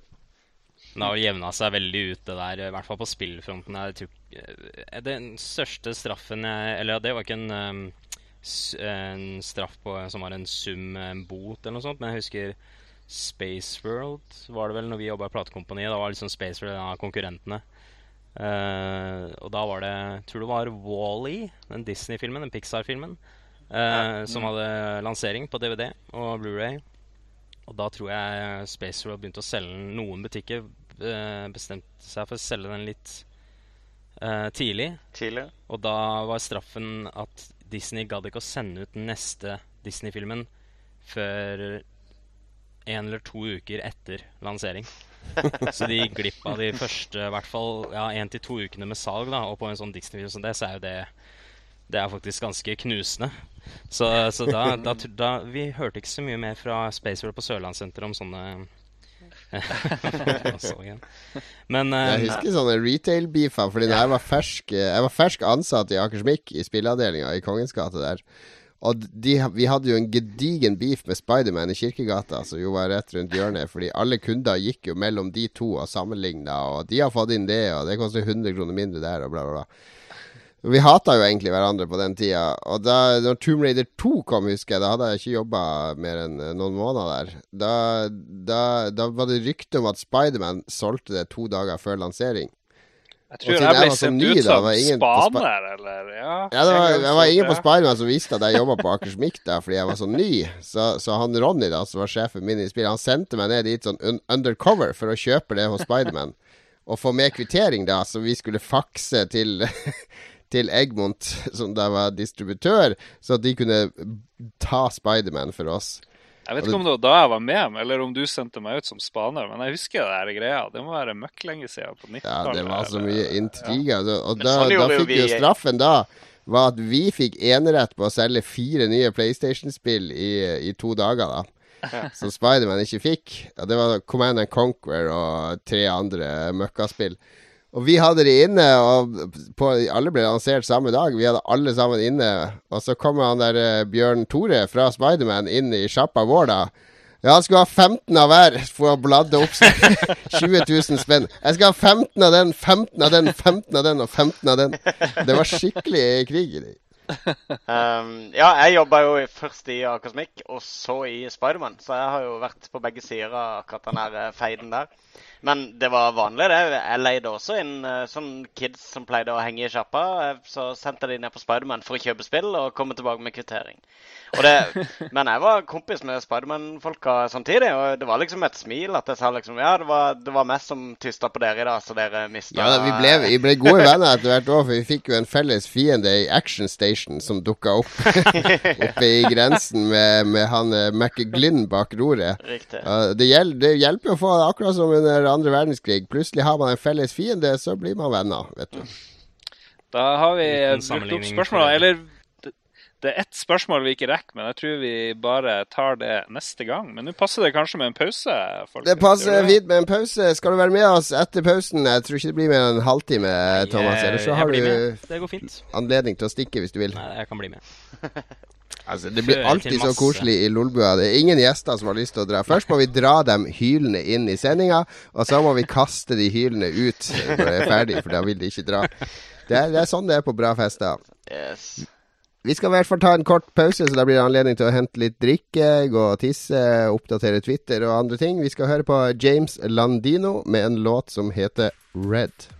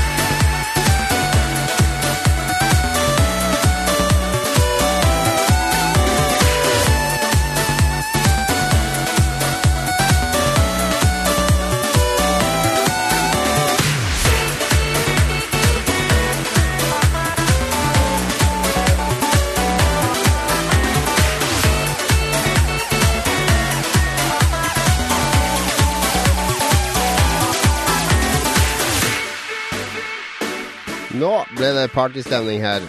Akkurat når låten er ferdig, så løper Lars på toalettet. Det, det er ikke noe nytt. Det er faktisk helt tomt der. Det er meg og Magnus igjen. Hallo, Magnus Hallais. Tellefsen. Hallo der. Se det. Endelig kan vi Hva, også, hva, nå kan vi bare, hva syns du egentlig om gjesten vår i dag? Nei, Jeg jeg har aldri likt han. Aldri. Jo da. Eh, men eh, skal, skal vi snakke om det litt? vi har jo sjansen nå, da. Åssen har Lars klart det? Vi skal gi terningkast til Lars så langt i Lars dag. Jeg syns han har vært litt, eh, litt passiv, kanskje. Er du enig i det, eller? Tror du Det det har med at Noen ganger når, han, når du ser han synke litt sånn bak i den stolen, så ser du Jeg ser speilbildet i øynene hans, at, at de var scroller nedover Twitter og Facebook Ja. og um, Eh, og det har nok litt med hans uh, helning mot PlayStation at han, at han tar det litt rolig i dag.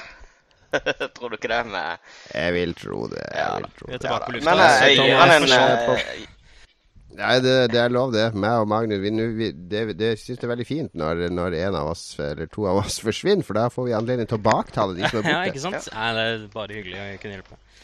Jeg så du tok deg en øl, Jon Cato. Jeg tror jeg Ja, se der, ja. Det er, eh, det er godt. Godt.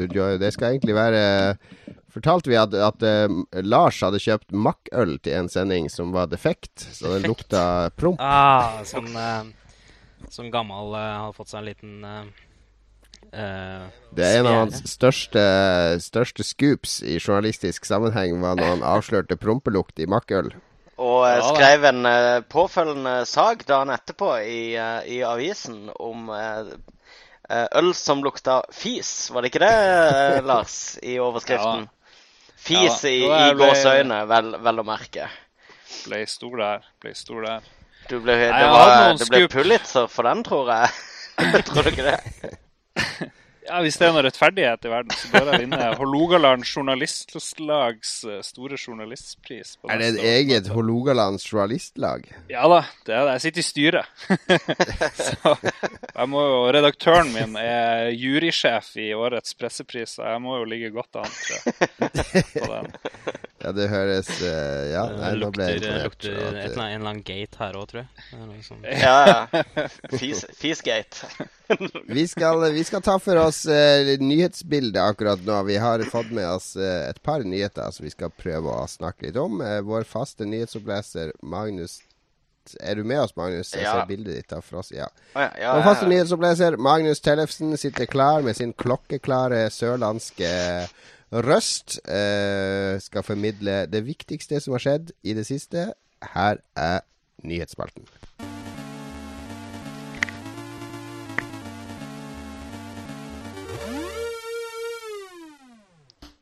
Minecraft er kommet til Xbox One og PlayStation 4. Det som kombinert er verdens styggeste og samtidig mest populære spill, har kommet til de nyeste konsollene. Enkelte sier at det i noen tilfeller er bedre enn på PC. Men hva betyr det når Lolbua til sammen bare klarer å bygge et enkelt hus, og glemmer å sette opp gjerdet slik at zombiene kommer og tar oss? Hell yeah. Hell yeah. Ja, det, kom, det var jo stor annonsering forrige, forrige onsdag det at, at Minecraft skulle være klar til Xbox One-lanseringa. Var det ikke det, Thomas? Jo, det var jo uh, moro, det. Uh, stort og stort. Vi fikk i hvert fall uh, Vi fikk muligheten til å annonsere det på onsdag. Så det var jo gøy at Mm. når man får den i Norge, så kan man faktisk spille Minecraft på dag én. Så det var jo gøy.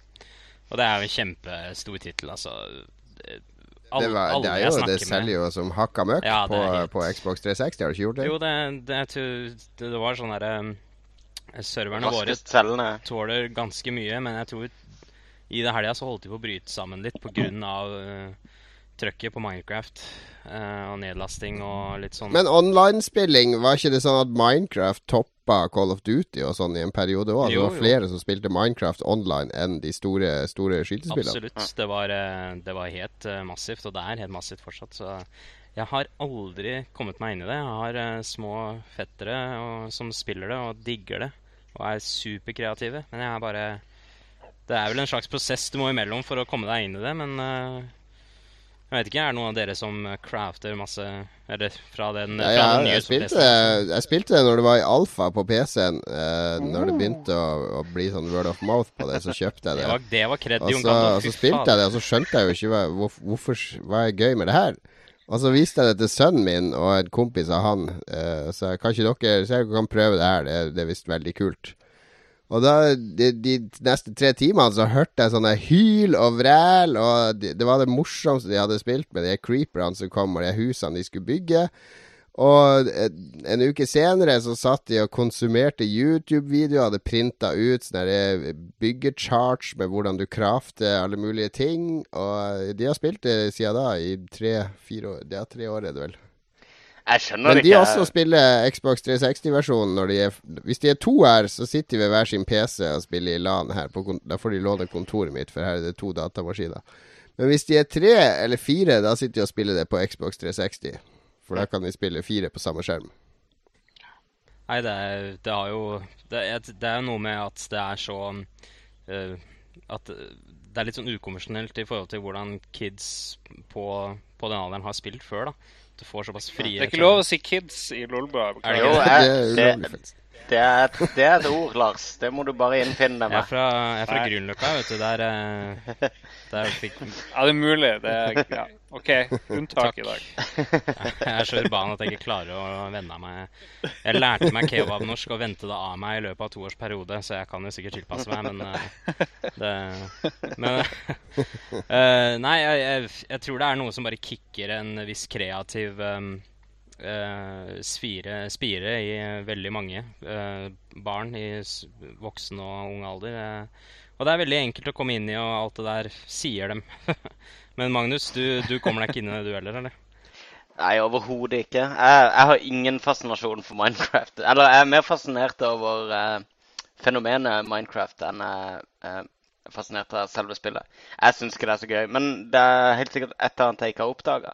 Det jeg syns er litt rart, Ja, at de bare jeg, bare men jeg tror vår generasjon Og nå tar jeg dere med i min, eh, min oldies-generasjon Vi, vi, vi liker å ha konkrete målsettinger Ja. og eh, konkrete gjøremål i spillene. Jeg vil, jeg vil spille Destiny, for jeg vil ta de oppdragene. Jeg vil fullføre de, de bonusoppdragene og, og komme til den og den levelen. Det er noe helt konkret jeg går etter når jeg spiller det. Mens i Minecraft så setter du deg ned Så setter du deg egentlig bare ned med et lerret og, og et sånn malestativ og tenker Hva skal jeg lage nå? Det er jo Lego, basically, sånn jeg har forstått det. da. Altså, det er det samme som skjer som i Lego.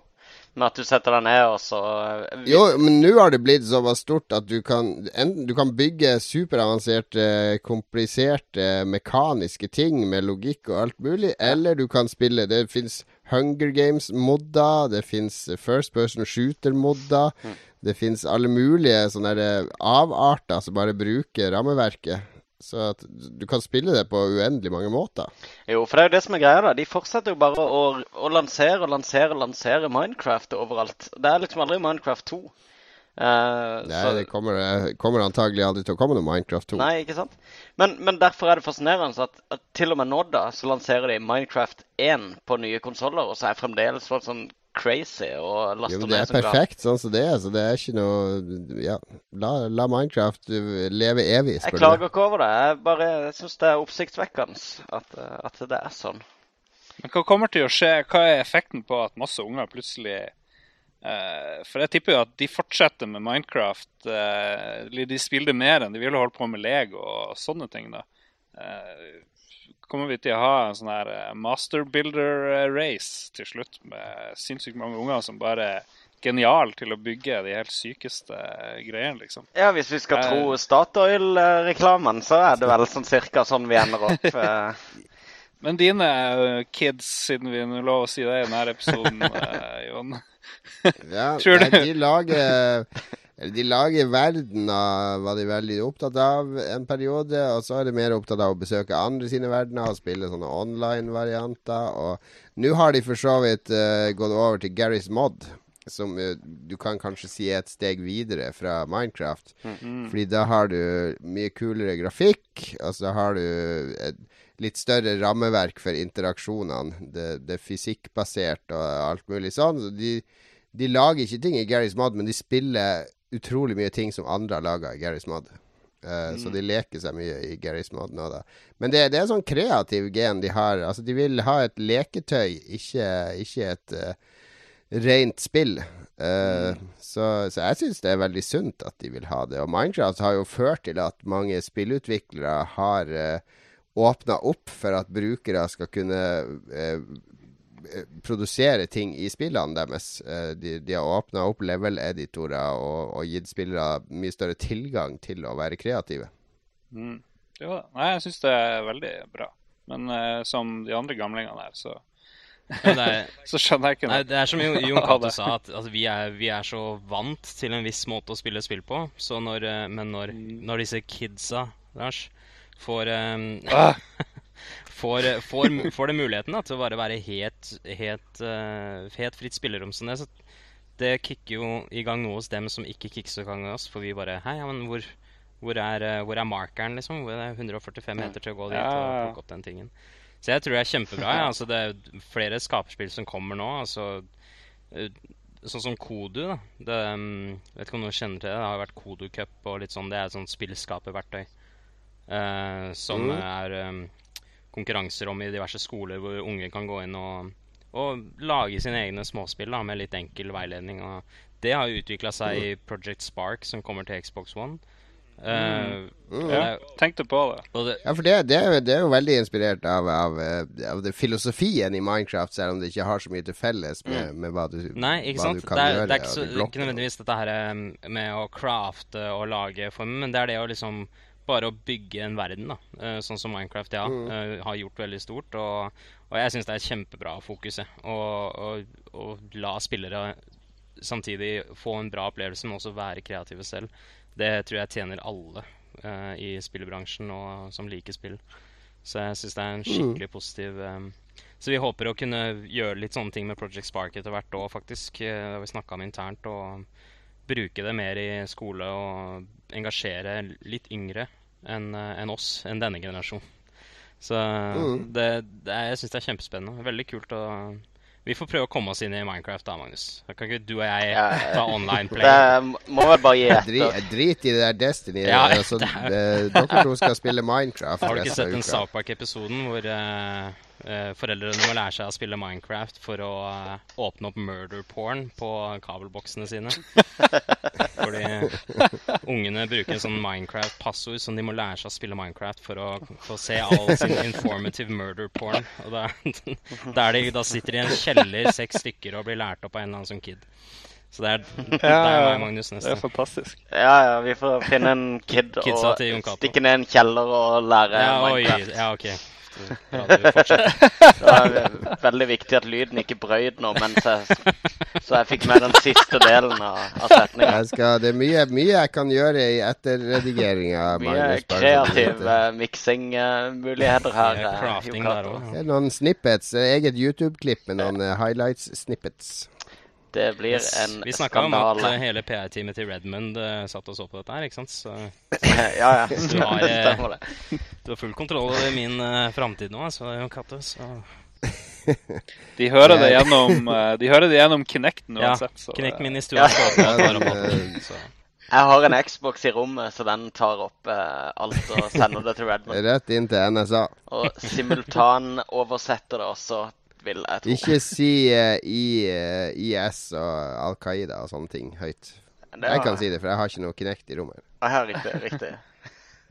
All right, vi har én nyhet til.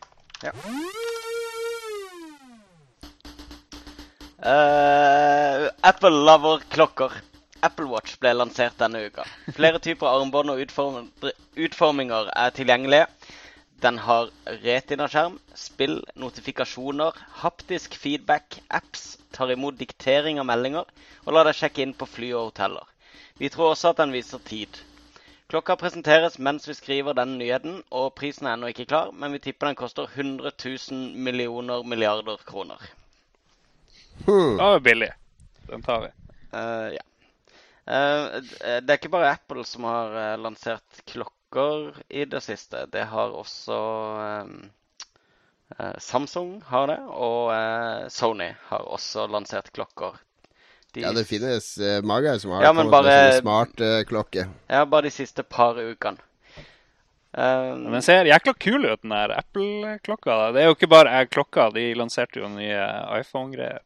Ja. Uh, som var sinnssykt gigantisk. Men uh, det er jo litt kult at de skal ha spill på den klokka. At du kan liksom gå bort til en dude, og så kan dere liksom koble klokken i hop, eller hva det er, og så spille et eller annet. Det er vel ikke de mest avanserte eh, spillene, sikkert, men eh, det er jo sikkert et eller annet potensial til eh, something her, i hvert fall. Jeg har jo lenge vært veldig positiv til smartklokker og har hatt lyst på en ganske lenge.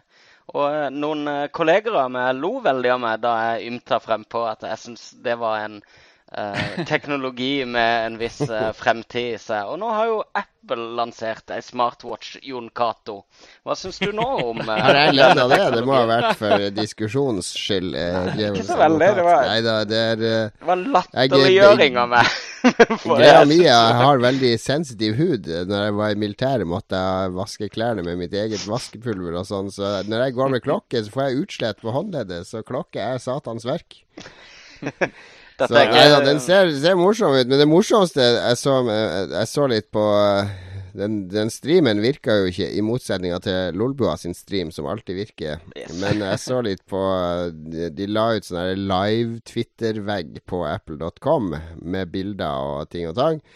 Og der eh, du kan eh, Du kan eh, sende sånn eh, berøringsbeskjed til en annen enn da. Så hvis Lars har på seg den klokka, så kan jeg trykke på min klokke, og så eh, riste den veldig forsiktig. Det er ikke sånn ordentlig sånn vibrering. Det er bare eh, Du kjenner sånn lite lite kjærtegn fra klokka, var vel sånn som Apple beskrev det. Sånn, jeg kan gi deg et lite kjærtegn ved å stryke Oi. på min klokke, så får du eh, et kjærtegn på ditt eh, håndledd. Det syns jeg var veldig romantisk. Og jeg kan, du kan Det måler jo hjerteslaget ditt, ikke sant? Du, jeg kan sende hjerteslaget mitt til Lars. Så kan Lars føle pulsen min vibrere mot huden sin. Men du, Det, er, det, er, det, er, det, er, det var intimt, og eh, de gjorde et stort poeng ut av det der. Men uh, når nye høyder er skjønner jeg. Det blir bra. Det holder- Gleder holder meg til å kjenne hjerteslaget ditt, Jon. det holder vel i to dager cirka, så er du lei av sånne funksjoner, er du ikke det? Det er jo bare gimmick-funksjoner. Jeg hadde jo en sånn Pebble-greie. Den var jo kickstarta. En sånn her eh, smartklokke som du kunne pare med telefonen din og sendte notifications hvis du fikk mail eller beskjed og sånt. Og den gikk jo så fort tom for strøm, så jeg er liksom bekymra for de her greiene her. Hvor svart, hvor lenge varer de? Kan de blir du å glemme det, og så legger du den i skuffa etter hvert. Det er vel en stor sjanse for det. da. Ja, de det har er en vel sånn kul ladefunksjon. Men, så... De har en sånn, de har en sånn ladefunksjon da, at du skal liksom kunne legge den på et eller annet. Og så, Du trenger ikke koble den til noe. Det er mer sånn ny Det blir litt stress òg hvis du skal høre på musikk med den og ha en sånn kabel fra håndleddet opp til ørene Ja, men vi har jo. Bluetooth-headset i denne tidsalderen som eh, tar seg av det. Altså, det, jeg, jeg går ikke rundt og drasser på et headset hvis jeg bare Nei, skal ta T-banen ned til byen får, og eh, opp igjen. Da har jeg sånne øreplugger. Ja. Men, Men eh, det er han ikke en stor greie ja, Nei, bare kjør på, Magnus. Eh, det jeg skulle si var at eh, Både Samsung og Sony sine klokker kan du jo faktisk ringe med og styre med stemmen osv. Uh, Mm. Og eh, liksom fungerer som en slags eh, em, forlenging av mobiltelefonen, som du da kan ha liggende i uh, bukselomma eller i ryggsekken eller wherever. Og du kan egentlig du kan styre så å si alt via klokka di. Det syns jeg er en veldig kul funksjon. Så du kan se hvem som ringer, du kan ta den med headsetet hvis du har det. ikke sant? Og Jeg så ikke Eh, og det er samme- men... Ah, sorry, Magnus. sier du? Jeg så, jeg så Nei, ikke jeg- streamen, men uh, var det Skulle Apple sin klokke være en egen enhet? Var det det som var mer tanken? jeg vet ikke. Ja, det er en egen dings som du kjøper separat Ja. fra alt mulig annet. Jo, men, men uh, er han ikke liksom bygd opp til å være kompisen til iPhone? Ja, ja, du må Jo, ha skal du iPhone. synke den sammen med alle Apple-tingene dine. Må du ha iPhone? Du må ha iPhone. nei, ja. nei. Jo, jo, jo. Det var nå det jeg hørte. Ja, det sto på Mac Rumors. Eh, De livestreama det eh, med tekst, for jeg kunne ikke se videoen. Så, okay, OK, OK. så inntil videre så, så var nå det jeg trodde, trodde jeg hørte. Hmm.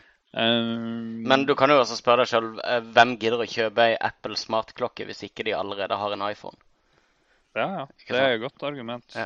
Så Når kommer det det, når kommer det noe fra Microsoft og Nokia på den fronten, eh, Thomas? Det er vel bare dere igjen nå Ja. som ikke har lansert smartklokke til telefonene?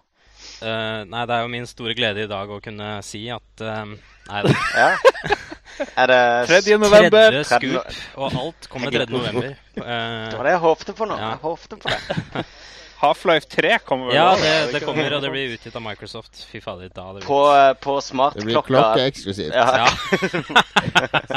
X-klokk eksklusivt. ja. Nei, eh, Nei, det blir- jeg, jeg, det, er jo ikke, det er jo ikke mitt felt, for så vidt, innenfor Microsoft. Nei. Men, eh, men eh, det, er, det er vel naivt å tro at eh, ingen har sett på, sett på det. Uh, ja. Men uh, nei, jeg tror ikke Jeg vet ikke noe om noe eventuell lansering der. Men eh, det er nok noen som følger, følger spent, har fulgt spent med på den streamen i dag. for å si det sånn. Jeg syns det er litt rart at Microsoft ikke har vært veldig tidlig på banen med sånne sånn wearable tech, som det heter. Eh, Med tanke på hele den der research-avdelinga til Microsoft, som, er, som ligger liksom sånn superlangt frem i tid på De forsker på alt mulig av sånne rare teknologier, ikke sant? som sånne obskure ting som stort sett ikke ender opp som et produkt, men som inspirerer til produkter som kommer senere. Men, men, eh, og da syns jeg det er rart liksom, at, at ikke de spotta wearable tech tidligere. Det har vært litt uh, Jeg fikk en gang en Microsoft-slipsnål på et event, så det er jo wearable, selv om det ikke er tech. Sykt Eh, ja, mye tech i den slipsnålen, kanskje, som du ikke har oppdaga ennå. Plutselig aktiverer den seg, sånn som det armbåndet du fikk på E3, Jon Cato. Jeg fikk en, eh, også et smykke fra Nintendo en gang, så når du kobla eh, den eh, tråden sammen eh, foran her, sånn at det hang rundt halsen, så lyste Nintendo-logoen. Det er tech. Det er wearable tech.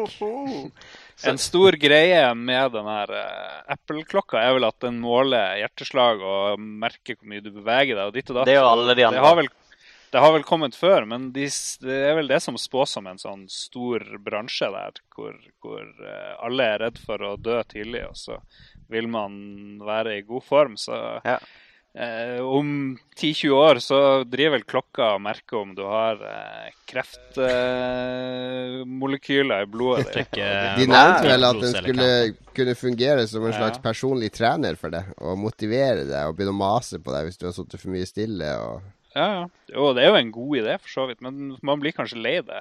Fordi folk, folk vil være sunn, og man vil ikke bli minnet på hvor lite sunn man egentlig er. liksom. Jeg har uh, pulsklokke, faktisk. Det er ganske kult å ha hvis du eh, liker å løpe. Så er det veldig nyttig å følge litt med på pulsen underveis. Det er jo der smartwatcher kommer fra. Fitnessbåndene, pulsklokker Ja. og sånne ting. Og, Ja, ja, ja. og det er jo eh, Jeg tror det er det mange, og kanskje, kanskje team i Microsoft også, ser på hvordan å inkorporere dette her best. da, Hvordan det kan være en kompanjong til mobilen din, hvordan det kan være noe som kan hjelpe deg med fitness. da, Eh, Og hvordan det faktisk kan fungere som en kul en du bruker i det dagligdagse livet. da, Som du sa, Magnus. at Hvis du får en sånn det med å vibrere under, og du kan sende det uh, Hvis du har åtte sånne gimmicker oppå hverandre, uh, da Mm. blir du lei de, og hva er da den dagligdagse bruken? Altså, jeg, jeg, jeg bruker jo ikke klokke. Jeg tror ikke jeg har brukt klokke siden barneskolen. Uh, litt av deg, Jon Cato. Jeg fikk også sånn eh, nikkelallergi, heter det vel. Ja, Så- spesielt når det blir vinter Ja. og blir fukt og votter og sånn. Jeg, jeg sliter ikke så mye med det nå, men når, eh, når jeg prøvde å gå med klokke, så fikk jeg alltid sånne, sånne Ja, ja, ja. utslett. Så, så da har jeg aldri gått med klokke. Og hvis, noen, hvis en wearable skal få meg til å begynne å gå med klokke igjen, da, gå med en sånn dings rundt håndleddet, da skal det være noe som jeg Mm. virkelig kan utnytte da, og bruke hver dag. Om, Ja. om det kan bli en eh, substitutt for mobilen, eller et skikkelig nødvendig tillegg til eh, telefonen, da, hvor de fleste har alt de trenger.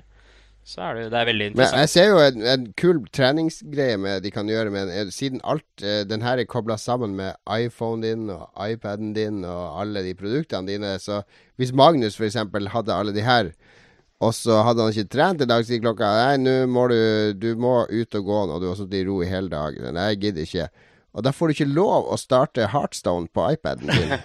Oi, oi, oi. Den holder igjen tilgangen til underholdning. Netflixen din stopper helt til klokka har sett at OK, nå har du trent nok. Nå kan du få lov å se på Netflix. Den klokka ryker ut av leiligheten første dagen, kan jeg garantere deg. 2001, ass. Hal Uh... Men uh, det er en, en, en kul ting med Sony-klokka, i hvert fall. Uh, den, er, eh, den har sånn Google-støtte hvor du kan eh, lese inn f.eks. en adresse. Eh, og den, for det er GPS og søyene. Så får du opp direksjoner via Google Maps på, rett på klokka di. Det er ganske nyttig. Istedenfor å gå rundt rundt med sånn tosk med mobil foran trynet ditt og Det er på Apple-klokka òg, men det er, eh, der bruker den jo selvfølgelig de fantastiske Apple-kartene. Ja, så de sender deg rett ut i trafikken og under vann og Hopp foran bussen. yes. Yes. Nei, men det, det var det vi hadde av nyheter for i dag. Og nå er det siste spalte i programmet. Der skal vi snakke om hva vi har spilt i det siste. Nå har vi allerede prata om Destiny. Nå får vi ikke lov å prate mer om Destiny denne gangen, for vi har jo egentlig bare spilt det noen timer hver. Så vi kan heller ta en stor Destiny-prat i neste Lolbua om en uke, når vi alle har spilt det masse. Er vi enige i det? Ja. Flott. Da kan vi pløye gjennom det vi har spilt i det siste. Skal jeg, skal jeg begynne? Du kan begynne. Kjør på. Jeg har spilt masse, masse, masse The Sims 4. Som er eh, det, er det er bra. Det er greit. Det er, alle klager over at det mangler svømmebasseng og babyer og tryllekunstnere og whatnot. Eh, men, sånn er det jo når de har lansert The Sims 3 og The Sims 2. Du, du må jo nødvendigvis lansere en, et grunnspill. Og så selvfølgelig skal du jo bygge ut det her i huet og ræva med nedlastbart innhold. Men det er mer enn nok i det her grunnspillet til å ha masse, masse, masse masse moro. Og, og det morsomme i det nye spillet er jo at de simmene eh, gjør mye mer rare ting, og de kan gjøre to ting samtidig. Så det er ikke sånn at eh, Nei, nå skal jeg lese en bok, så da må jeg bare gjøre det. Og, og så må jeg legge fra meg boka og gå bort og snakke med han der mannen. For nå vil han snakke med meg. Du kan liksom se opp fra boka og snakke. Eller, ja, det virker i hvert fall som at de multitasker på en helt annen måte. Ja, det er kult. Og du legger egentlig ikke så godt merke til det når du spiller det. Ikke før jeg prøvde Sims 3 igjen og så hvor Du vet, det er ofte sånn med spill at uh, spill er ganske bra, syns du, når du spiller de, er det helt OK, og så går du tilbake og spiller forgjengeren og sier oh, wow, var det så crappy? Mm. Da legger du, det først da du legger merke til at de faktisk har gjort en del i det nye spillet. Så, men det er, det er litt sånn eh, ett steg fram og ett tilbake, fordi de forts det, de er fortsatt ikke sånn som åpen verden, og det er helt tullete, fordi jeg har et hus som er ti meter fra naboen, og da må jeg, for å gå til naboen inn i hans hus, så må jeg liksom set, sende Simmen inn i en bil, og så må du se på en loaderskjerm i 20 sekunder, og så får du lov å gå inn i det huset. Og når han skal hjem igjen, så må jeg loade inn mitt hus, selv om de ligger vegg i vegg. Uh, så det føles veldig utdatert med at en verden ikke er helt sånn åpen, at jeg bare kan klikke og gå absolutt hvor jeg vil, og inn og ut. Uh, men det, det, det, er vel sikkert Det er sikkert veldig avanserte systemer som ligger bak. Og så er det Jeg spiller jo akkurat som jeg ser alle mine animasjonsfilmer på norsk, så spiller jeg jo alle spill som er oversatt til norsk, på norsk. Fordi eh, hvis de fleste som spiller The Sims, de spiller det jo på norsk. Ja. Vi er jo i Norge. Eh, så, og det er, eh, det er befriende nok så er det veldig, veldig veldig bra oversatt. Det er et lekent og levende språk. Det er sikkert fordi Magnus la det her fundamentet for, for 14-13 år siden da han var borte hos Maxis og oversatte Simspill. Yes. Men, men det har et lekent og, og fint uh, språk der jeg egentlig ikke reagerte på en eneste teit frase, og det er positivt. Mm. Bra. Så det er en bra jobb. Og så har jeg spilt uh, Må nevne Hohokum på PlayStation 4. Har dere prøvd det? Ja, så vidt. Men jeg ble litt lei. Det var jo bare vasing. Det er bare racing, men det er jo det som er så deilig. Du, det er meg og den streken og omgivelsene. Og jeg, jeg, jeg spilte det Jeg spiller den sånn kvarter nå og kvarter da. Det er bare å sette seg ned og skru opp lyden og sone helt ut. Jeg trenger ikke rusmidler når jeg har hohokum. Det er eh, Men hva er det for noe? Det er, du styrer en strek som reiser rundt i todimensjonale verdener. Eh, eller han har et øye foran deg, og så en lang hale bak. Og så styrer han med analogspaken, og så kan du fly fort eller sakte. Og så kan du lage mønster med halen din. Eh, og, og så er det masse forskjellige verdener da, der du møter folk og elefanter og abstrakte vesener og dyr.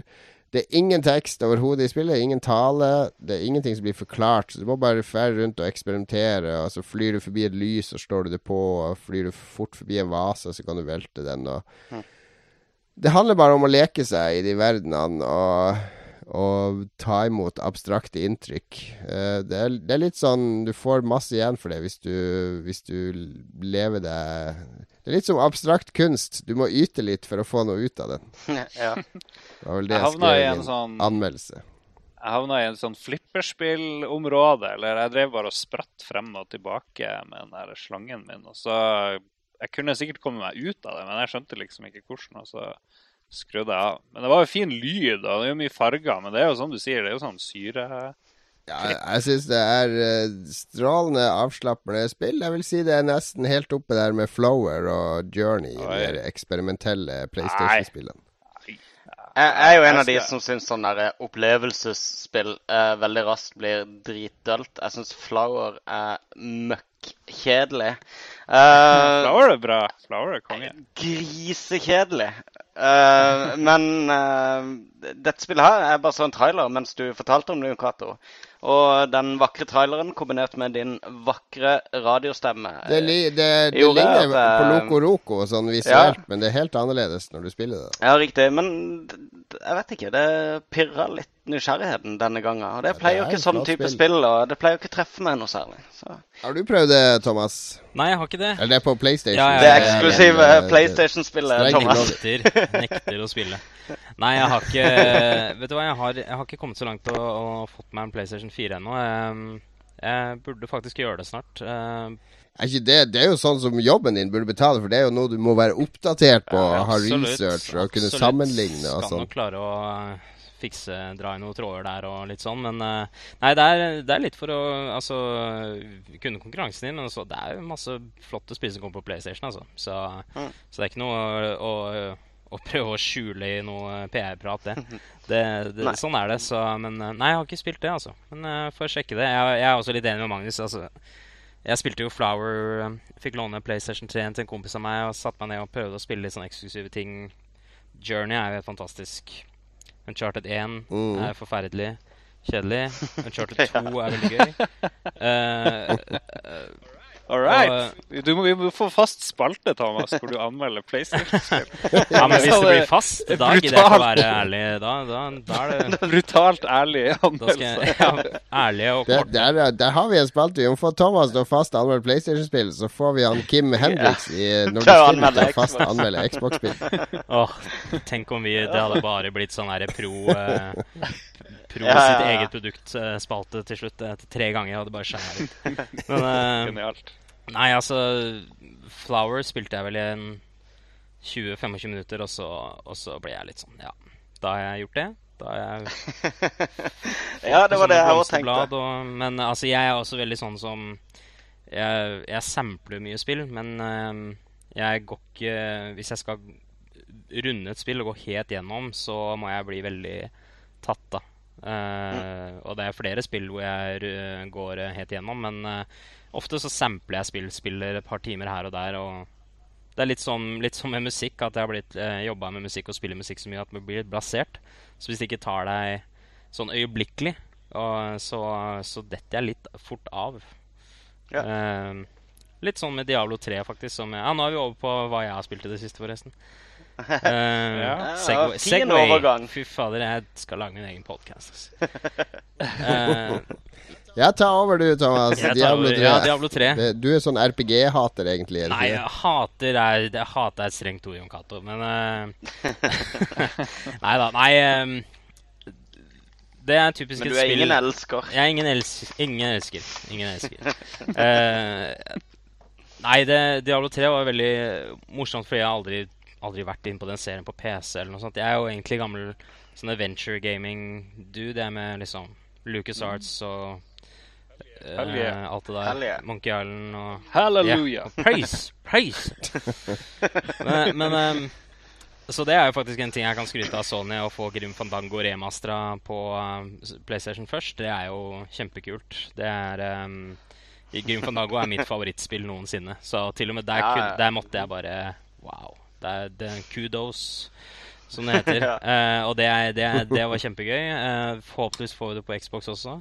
Um, men ehm, Nei, men disse Diablo um, fullperspektiv eh, RPG-spillene og litt sånne har jeg aldri kommet inn i. Prøvde litt på konsoll nå mens jeg venta på Destiny.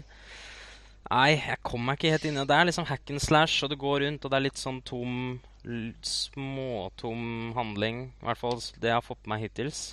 Men jeg skjønner ap ap appealen for RPG-fans. Det er jo utrolig dypt. eh, og mange måter du kan gå og forme figuren din og litt sånn. Så um, Det blir sykt morsommere hvis du spiller med noen andre. Ja, det har jeg er veldig også skjønt. lett å lage party. Og Det har jeg også skjønt at det er uh, mer en co-opplevelse. uh, rikere sånn. Så kanskje når jeg har spilt uh, Destiny, og nei, da kommer Fifa 15, som jeg bruker altfor mye tid på, eh, og så kommer det andre spill, og så får vi se. Kanskje neste år så fullfører jeg Diablo 3. Kan se. Ja, hvis du ikke likte det etter en time, eller noe sånt, så tror ikke jeg du blir å like Det var helt OK. Så jeg likte Ja. det faktisk ganske greit. Men det var ikke Det er sånn Det må nok litt til. Det kommer nok andre prio-titler.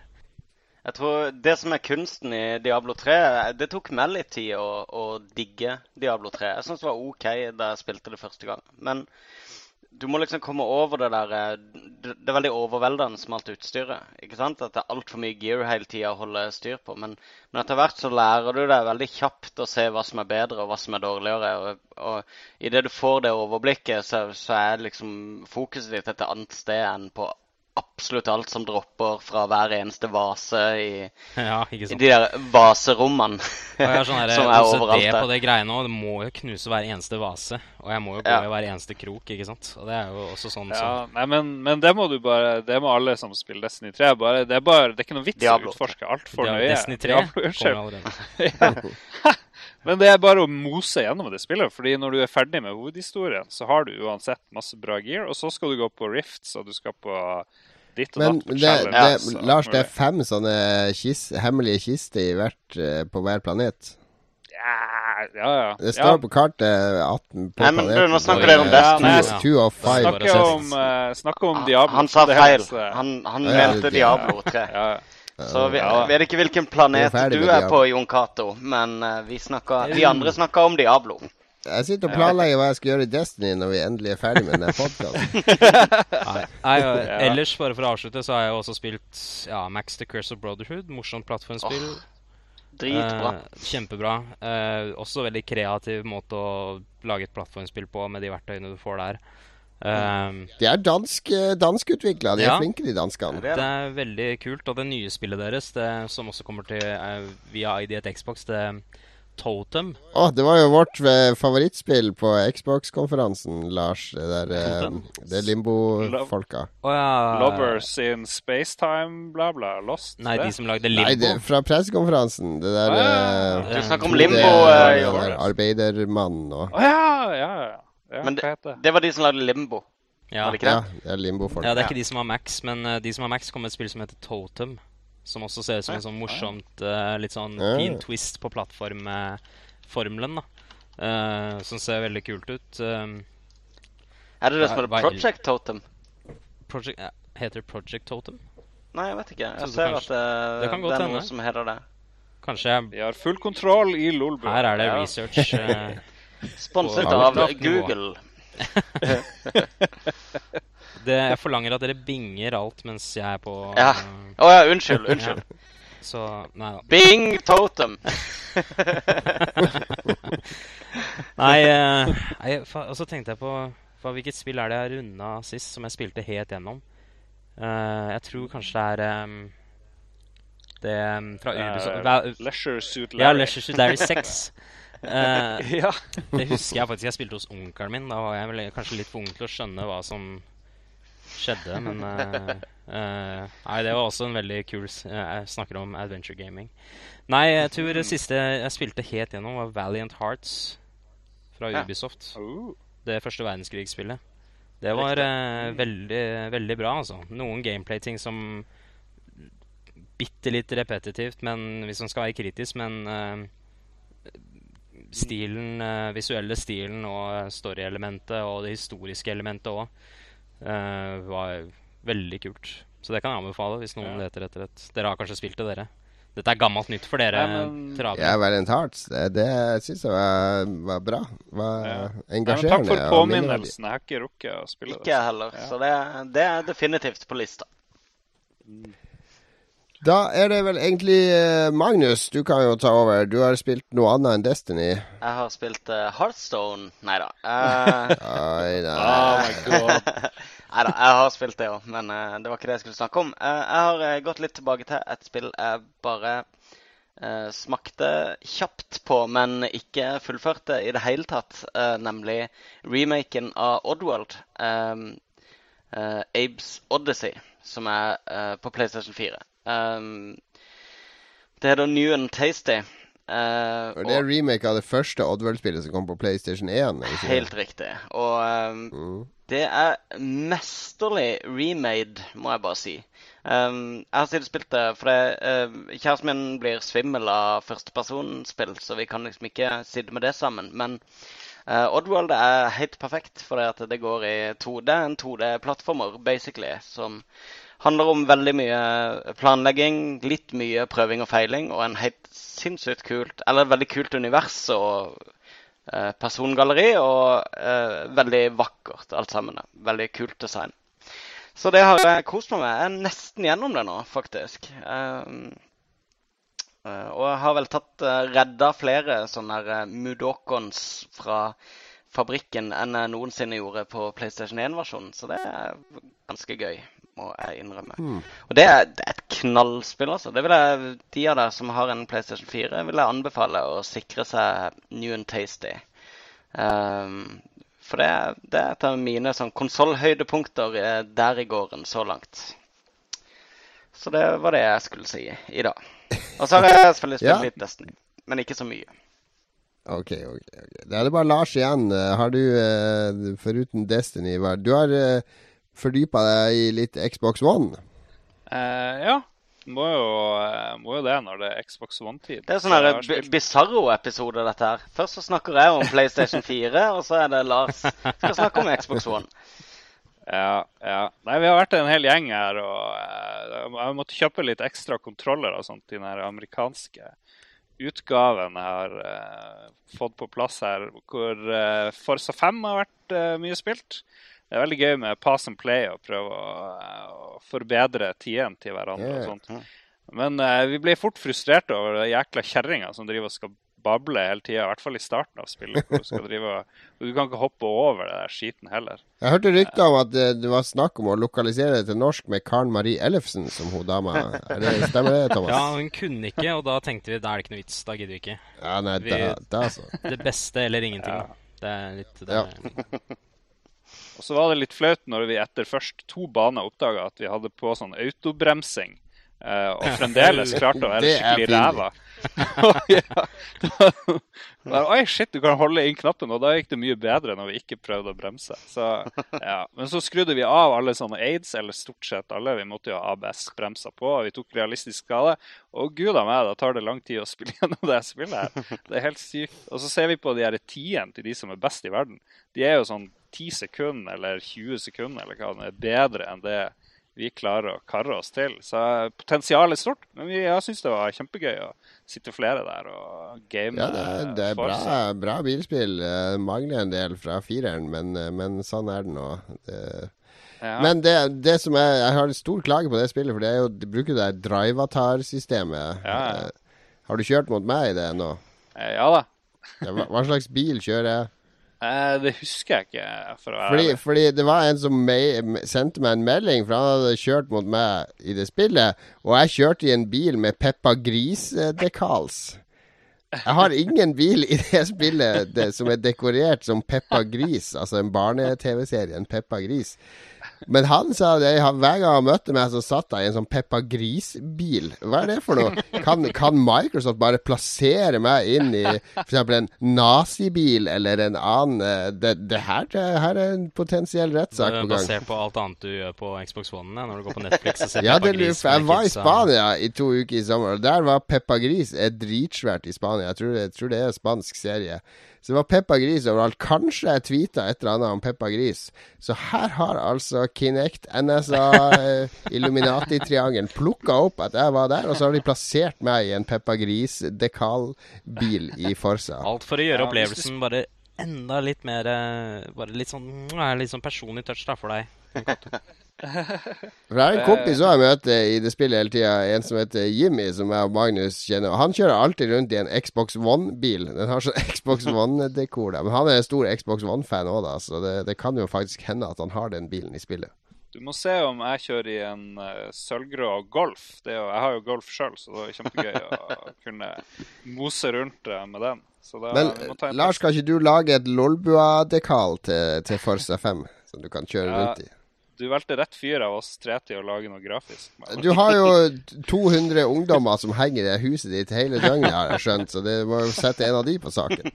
Ungdommer? Hva er det slags inntrykk du driver Nede i kjelleren? Det er, sånn, det er pedobua, dette her.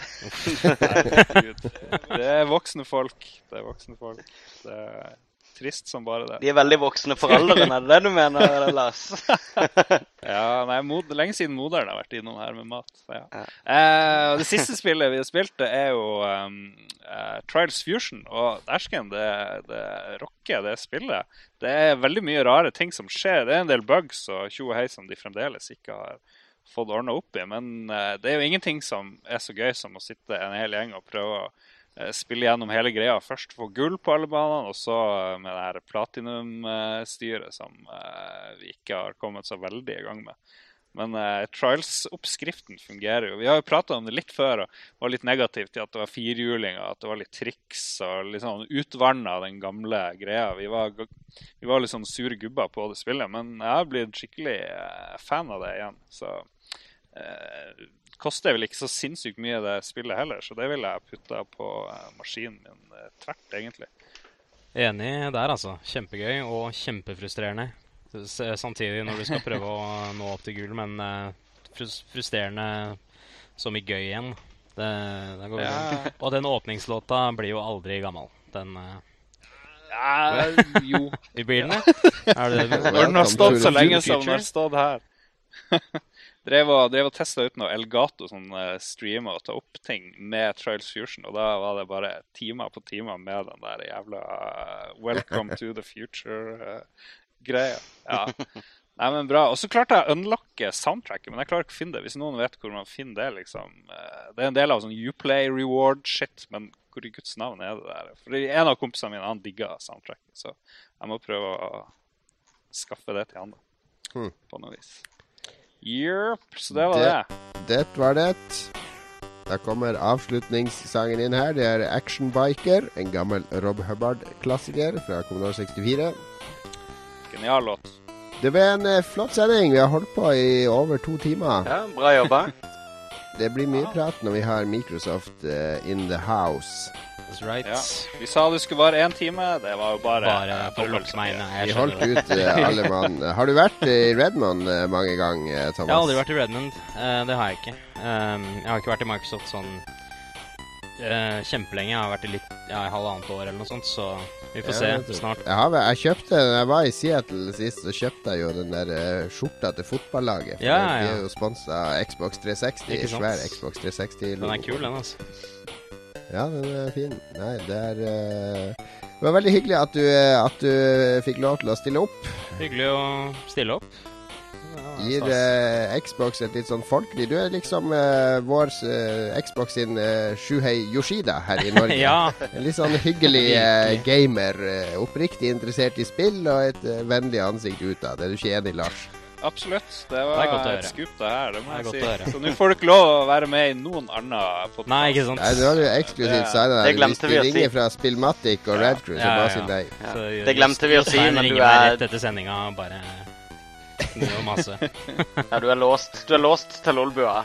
Nå. Dere fikk jo tre scoops av meg òg, så det er bare bare Ja, ja, ja. ja. Det her har vært en sending full av skup. Win-win. Uh, vi skal spille Destiny nå i en uke, og kanskje noen andre småspill òg. vi er i hvert fall tilbake neste uke med masse nytt på programmet. Tusen takk til Thomas som stilte opp, og lykke til med Xbox uh, i månedene og årene fremover. Takk til oss tre som eh, nok en gang orka å rive seg løs fra håndkontrollen for å sitte foran dataen eh, et par timer. Eh, følg oss på Facebook. Eh, der heter gruppa Lolbua2000. Følg oss på Twitter at Lolbua. Og du finner alle oss også hvis du prøver. Og husk å besøke vår hjemmeside lolbua.no. Vi legger ut eh, så ofte vi klarer. Det har vært mye å gjøre i det siste, men det er, eh, det er mye artig lesestoff der. Og det blir mer Skal jeg er plugge litt, det jeg òg, Jon Cato? Skal jeg plugge litt, jeg òg? Alle kan følge Xbox Norge på Facebook, Twitter og Instagram. Så kan dere finne ut om når neste event vi skal ha, f.eks. er, som er om et par uker. For de som er i Oslo, Mhm. kan stikke innom der. Så følg med der, så der får du all Xbox-relatert info for Norge. Alt om lokal funksjonalitet og alt det som man vil vite. Gjør Bra. som Thomas sier. Gjør det. Yes. Vi, vi takker for i kveld. Takk for følget, og uh, vi høres snart igjen. Ha det bra! Ha det.